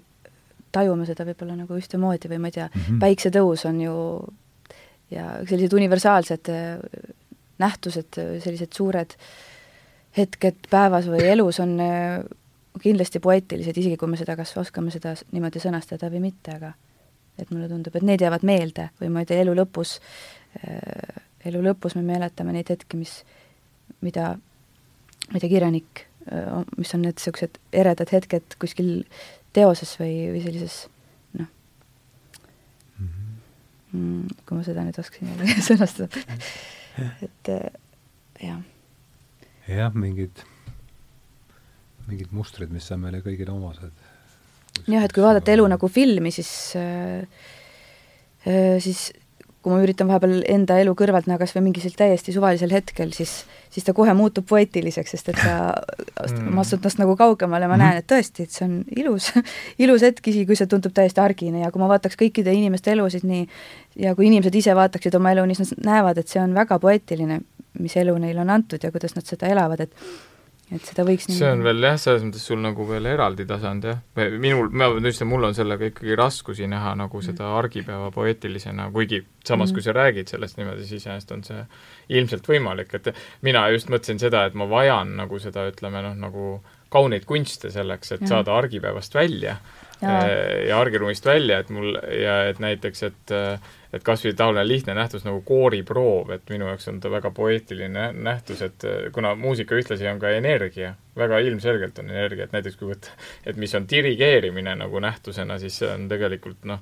e-, energiaga mäng et, et see on, ma arvan, iga dirigent, ma arvan, millegipärast noogutab, et see nii on, et, et, et see, mis sa tegelikult oma kätega teed, et see on täiesti tajutav, et kui sa saad mm. selle noh, nii-öelda nagu fraasi liikuma, et, et see, et see noh, põhimõtteliselt sul on võimalik lennata kuigi sa oled maa peal, aga sa taju on, et sa lendad, sest sa, sest sa juhid seda muusikaenergia välja niimoodi kuni selle hetkeni, kuni me jälle maandume, on ju. Mhm. aga mm, -hmm. aga ja see võib anda sulle noh, lihtsalt elujõudu. et -hmm. et ütleme, et, et sa saad sellest argiruumist kuhugi teise ruumi, sa saad lennata. mis on ju tegelikult poeetiline lend. iga mm -hmm. argine kooriproov võib olla poeetiline lend nii-öelda mm.. aga samas, no ma, ma sain aru ka, mis sina mõtlesid, et, et, et, et selline jah, et, et et, et kui kuidagi jah, oma, oma mingitest muredest nagu välja lennata mingisse panoraamvaatesse või niimoodi ja mm. vaadata seda, seda ühte elu, vaata, või niimoodi, et siis selles ühes elus ja see oleks nagu mingi film, et iga mm -hmm. hetk võib olla justkui selline nagu mm -hmm. äh, noh, kas või juba tagasivaates, kui seda elu enam ei ole näiteks või niimoodi, siis iga hetk on justkui ju poeetiline, sest siis ta veel oli, on ju, või kuidagi, kui nii võtta, on ju. Mhm. Aga samas jah, et mina, noh, ühesõnaga selles osas olid meil vist noh jah, nagu erinevad mõtted, et mina just tajun, et mul see argiruumiga nagu kohati yeah., kohati noh, et muutub hästi tuimaks äh, olemine, et siis ma just vajan seda poeetilist ruumi. no ma arvan, et selles mõttes eks, eks äh, enamasti see argipäev, ega me iga hetk seda vist ei suudagi niimoodi mm. märgata või kuidagi teda kõrvalt näha, et eks, eks selleks ju see ongi vast muusika ja ja kunstid loodud, et et aidata kuidagi nagu natuke seda mõista või siis, või, või anda seda, mm, seda võimalust nagu kuidagi koondada seda hetke ja tulla sellest välja, sellest vajalikust elust korraks distantseeruda, eks. jah, ja et ja samal ajal usun ma, et ka sellisest hästi argisest, argisel hetkel võib sündida öö, nagu mingi väga suur lo-, noh, looming kas või, või järsku mingi aines öö, uueks lauluks või hmm.. no kena, kaks tundi ongi peaaegu läinud niikuinii juhtijas seltskonnas, et hmm. äh, ma loeks ette ühe lõigu, mida te teate, ma loen ta ei hakka inglise keele peale, kuigi ta hmm.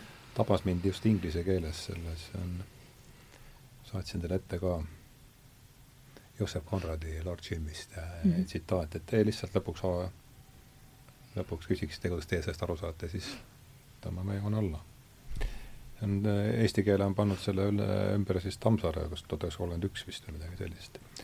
ja äh, tsitaat ise järgmine. inimene, kes selleks sündinud, langeb unistusse, nagu teine inimene langeb merre. kui ta katsub välja õhku ronida, nagu teevad vilumatud, siis upub ta. ei, mina ütlen teile, purustavaile loodusjõududele tuleb alla heita ja oma käsi ning jalgu pingutades tuleb sügavat-sügavat merd sundida end peal kandma nõnda on lugu, kui küsite minult, võis olla. sukelduda hävitavasse loodusjõudu. et äh, mis äh, mis ma hakkasin uuesti, ma hakkasin selle mõtte, mul seda romaani uuesti üles, üle lugema, ma ei jõudnud kohe mm. veel, aga et mis äh, la-, laseme assotsiatsioonidel rännata. no mina, ma mõtisklesin selle üle natuke enne, kuna sa saatsid selle, siis, siis ma püüdsin, püüdsin seda, seda nagu enda jaoks kuidagi mm -hmm. selgitada või kuidagi seda, kuidas mina seda, siis ma, ma, ma tajun seda kuidagi nii, et et kuna siit on ka täna läbi käinud mitu korda see surelikkus, et kuna mm -hmm. me sureme nagunii ja ja siis sellest pole pääsu, siis, siis mulle tundub, et niikaua, kui me siin oleme ja tegutseme, et siis siis kuidagi minna sellega nagu lõpuni või minna mhm. selles elus või ükskõik millega, mida me teeme minna selles lõpuni, sest hirme nagunii tekib või kuidagi kasvab meil, meis ju niimoodi elu jooksul äh, või me mingisuguseid kihte enda peale tekitame, aga et kuidagi sellest nagu läbi minna, et mitte karta seda, et, et äkki ma siis suren ära, vaid me, me sureme nagunii, et siis miks seda karta või äh, et elu lõpus äh, tunda, et ma oleks nagu päriselt, ma olen andnud oma parima või kuidagi päriselt elanud, et võib-olla see. Mm. -hmm mina pean tunnistama, et äh, ma lugesin mitu korda ja, ja ega ma täiesti aru ei saanudki, samas oli, samas oli nagu huvitav mõte äh, ja võib-olla seostus mul kõige rohkem sellega, et ma oma sellistes, kuidas öelda, klassikalise heliloomingu ponnistustes mm, olen nagu aru saanud, äh, et see nii-öelda looming, mis mina olen loonud, on, on võib-olla mingisuguses teatud ringkonnas pisut lahjaks jäänud ja, ja võib-olla on just see natuke see noh, nii-öelda see mille kohta see autor ütleb ei, on ju, et, et ära ole niisugune uni, unistaja või selline nagu mm, et, et ja olen aru saanud, et sellises nagu tummises teoses peab olema nagu mõlemad jõud esindatud mm. -hmm et, et, mm. et on ka see tume jõud ja, ja, ja, ja üldse noh, viimasel ajal kas või nüüd praegu aktuaalselt on see ju vägagi esil, selline valgus-pimedus mm, -hmm. duaalsus on ju, ja see on nagu igasuguses arhetüüpides vist esil ja ja, ja praegu on võimalus siis elada kaasajal, kus ta on nagu järsku hästi tugevasti esil, kui vaadata, mis toimub, on ju. et mm, -hmm. et siis ma lihtsalt olen, nagu mulle seostus natuke nagu see äh, fraas sellega äh,, aga et ma pean tunnistama, et tänasel päeval mina äh, ei ole suutnud heliloojana nagu seda tumedat jõudu väga, väga rakendada või mul on olnud raskusi sellega, et, et näiteks väljendada muusikas destruktiivset jõudu. et mm, -hmm. et kuigi ma nagu mõistan küll seda näiteks äh, kas või ma ei tea, Erkki Sven Tüüri teostes, et, et, et, et destruktiivne selline jõud, et kui pärast seda tuleb nii-öelda valguskiir, et noh, selles kontrastis mõjub see palju eredamale, kui oleks lihtsalt kogu aeg valge, on ju. Mhm. et ja et kuna maailmas on ka väga palju ängi ja valu ja kannatusi, et, et siis tõesti see üks võimalik viis näiteks just näiteks sümfoonilises muusikas, mis mind ka ennast tegelikult väga huvitab, olekski seda ka väljendada, neid kannatusi, ja siis pakkuda sealt, ehitada üles näiteks mingisugune lootus, mis, mis siis võib-olla on sügavam kui, kui kohe see, et nüüd siin on lootus, on ju. Mhm. aga, aga mingil põhjusel, ma ei tea, võib-olla see muutub must kunagi, võib-olla ei muutu, et mul on nagu sellega heliloojana mingeid raskusi, et ma nagu ei taha eh, kätt klaverile pannes näiteks, ma ei, ma, mul on mingi täitsa selline asi, et ma mistõttu mind nagu ütleme, kahekümne esimese sajandi äh, kompositsioonisfääris nagu mingis mõttes ei eksisteerigi. ma saan isegi sellest nagu aru, äh, ehk siis, et ma kirjutan nii-öelda tonaalset muusikat, aga mul on sellega lihtsalt, ma ei saa sinna midagi teha, mul lihtsalt nagu mu enda hing laulab tonaalselt. oma ilm on selline? jah, oma ilm on selline ja, ja see lähtub ka mingisugusest regilaulu võib-olla tajust, üldse mul hästi suur tõmme on selliste vanade Äh, lätete järele, kas regilaul või vana kirikulaul või mingi selline ürgne viis, et selle suhtes on nii suur tõmme, et, et seda kuidagi katki teha mingisuguse äh, sellise destruktiivsema akordiga, mul tõrgub miski sees. Mm. -hmm ja, ja, ja siis ma olengi üritanud olla enda vastu aus, et ma ei hakka seda kunstlikult siis ka tegema, et võib-olla kui ma küpsen ja kasvan ja arenen ja tekibki selline hoopis teine vaade, et ma tahangi seda väljendada, sellist nagu äh, nii-öelda nagu kaasaegses muusikas tihti seda destruktiivset ju koht, kohtub väga palju, on ju, eriti kahekümnenda sajandi muusikas, et et, et, et küll ma siis seda teen, aga, aga jah, et selles osas mul nagu seda resonantsi selle tsitaadiga, et tänasel päeval siin ja praegu mhm. kolmekümne viie aastasena ei sellest, selles tõlgenduses? jah, nagu ei tekkinud, et jah, ma saan mhm. täpselt aru, mis sa mõistad ja nii peabki mm. olema ja sest ma nagu jah, üldisemalt destruktiivsusesse ei usu ja olen kogu aeg üritanud otsida noh, sellist nii-öelda headust ma mõtlen, et kas destruktiivne võib olla ka see, et sa lihtsalt oled nagu üdini aus, et sa, et, et ei ole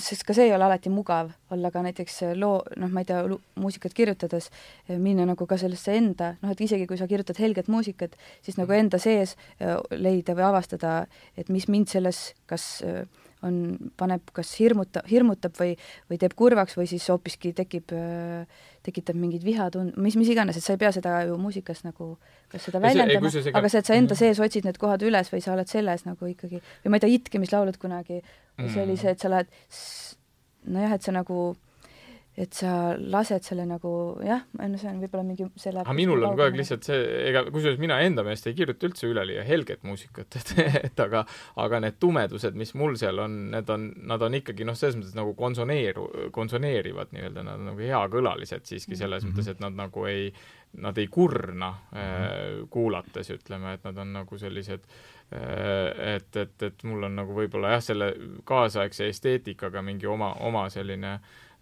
probleem, et äh, aga, aga jah, ühesõnaga mina, mina vist ei, täpselt veel ei mõistnud, võib-olla peab küpsema mm. ja arenema, et mida, mida selle all on mõeldud, et kuidas seda destruktiivset jõudu panna nagu ennast kandma, nagu ta mõtleb seal, on ju, et et ära ürita nagu põgeneda vist, on ju, ja vaid, vaid, vaid lase sellel tulla ja lase sellel endal, ennast kanda, et iseenesest see oli, ühesõnaga see oli intrigeeriv ja huvitav. väga intrigeeriv ja ega ta muidu poleks ja eriti mulle see, selle ingliskeelse selle, selle lause lumm on seal mulle mm. kuidagi tulnud, et seetõttu ma ja mul jällegi tuleb ka üks jällegi praegu alles see assotsiatsioon, et näiteks psühholoogias selline, ma mäletan mingil hetkel, ma ei mõistnud seda, kui öeldi, et et kui sul tuleb mingisugune suur tunne peale, ma ei tea, hirm, siis, siis vaatle seda, ma ei saanud sellest mm. kunagi aru, et vaata see, võta ta omaks ja mulle tundus, et ei, et see, miks ma peaks seda tegema, et mulle nagu täna ma olen sellest aru saanud, et tõesti, see on hoopiski lihtsam sellega tegeleda, kui sa tõesti korraks nagu võtad mingi suure ja raske tunde nagu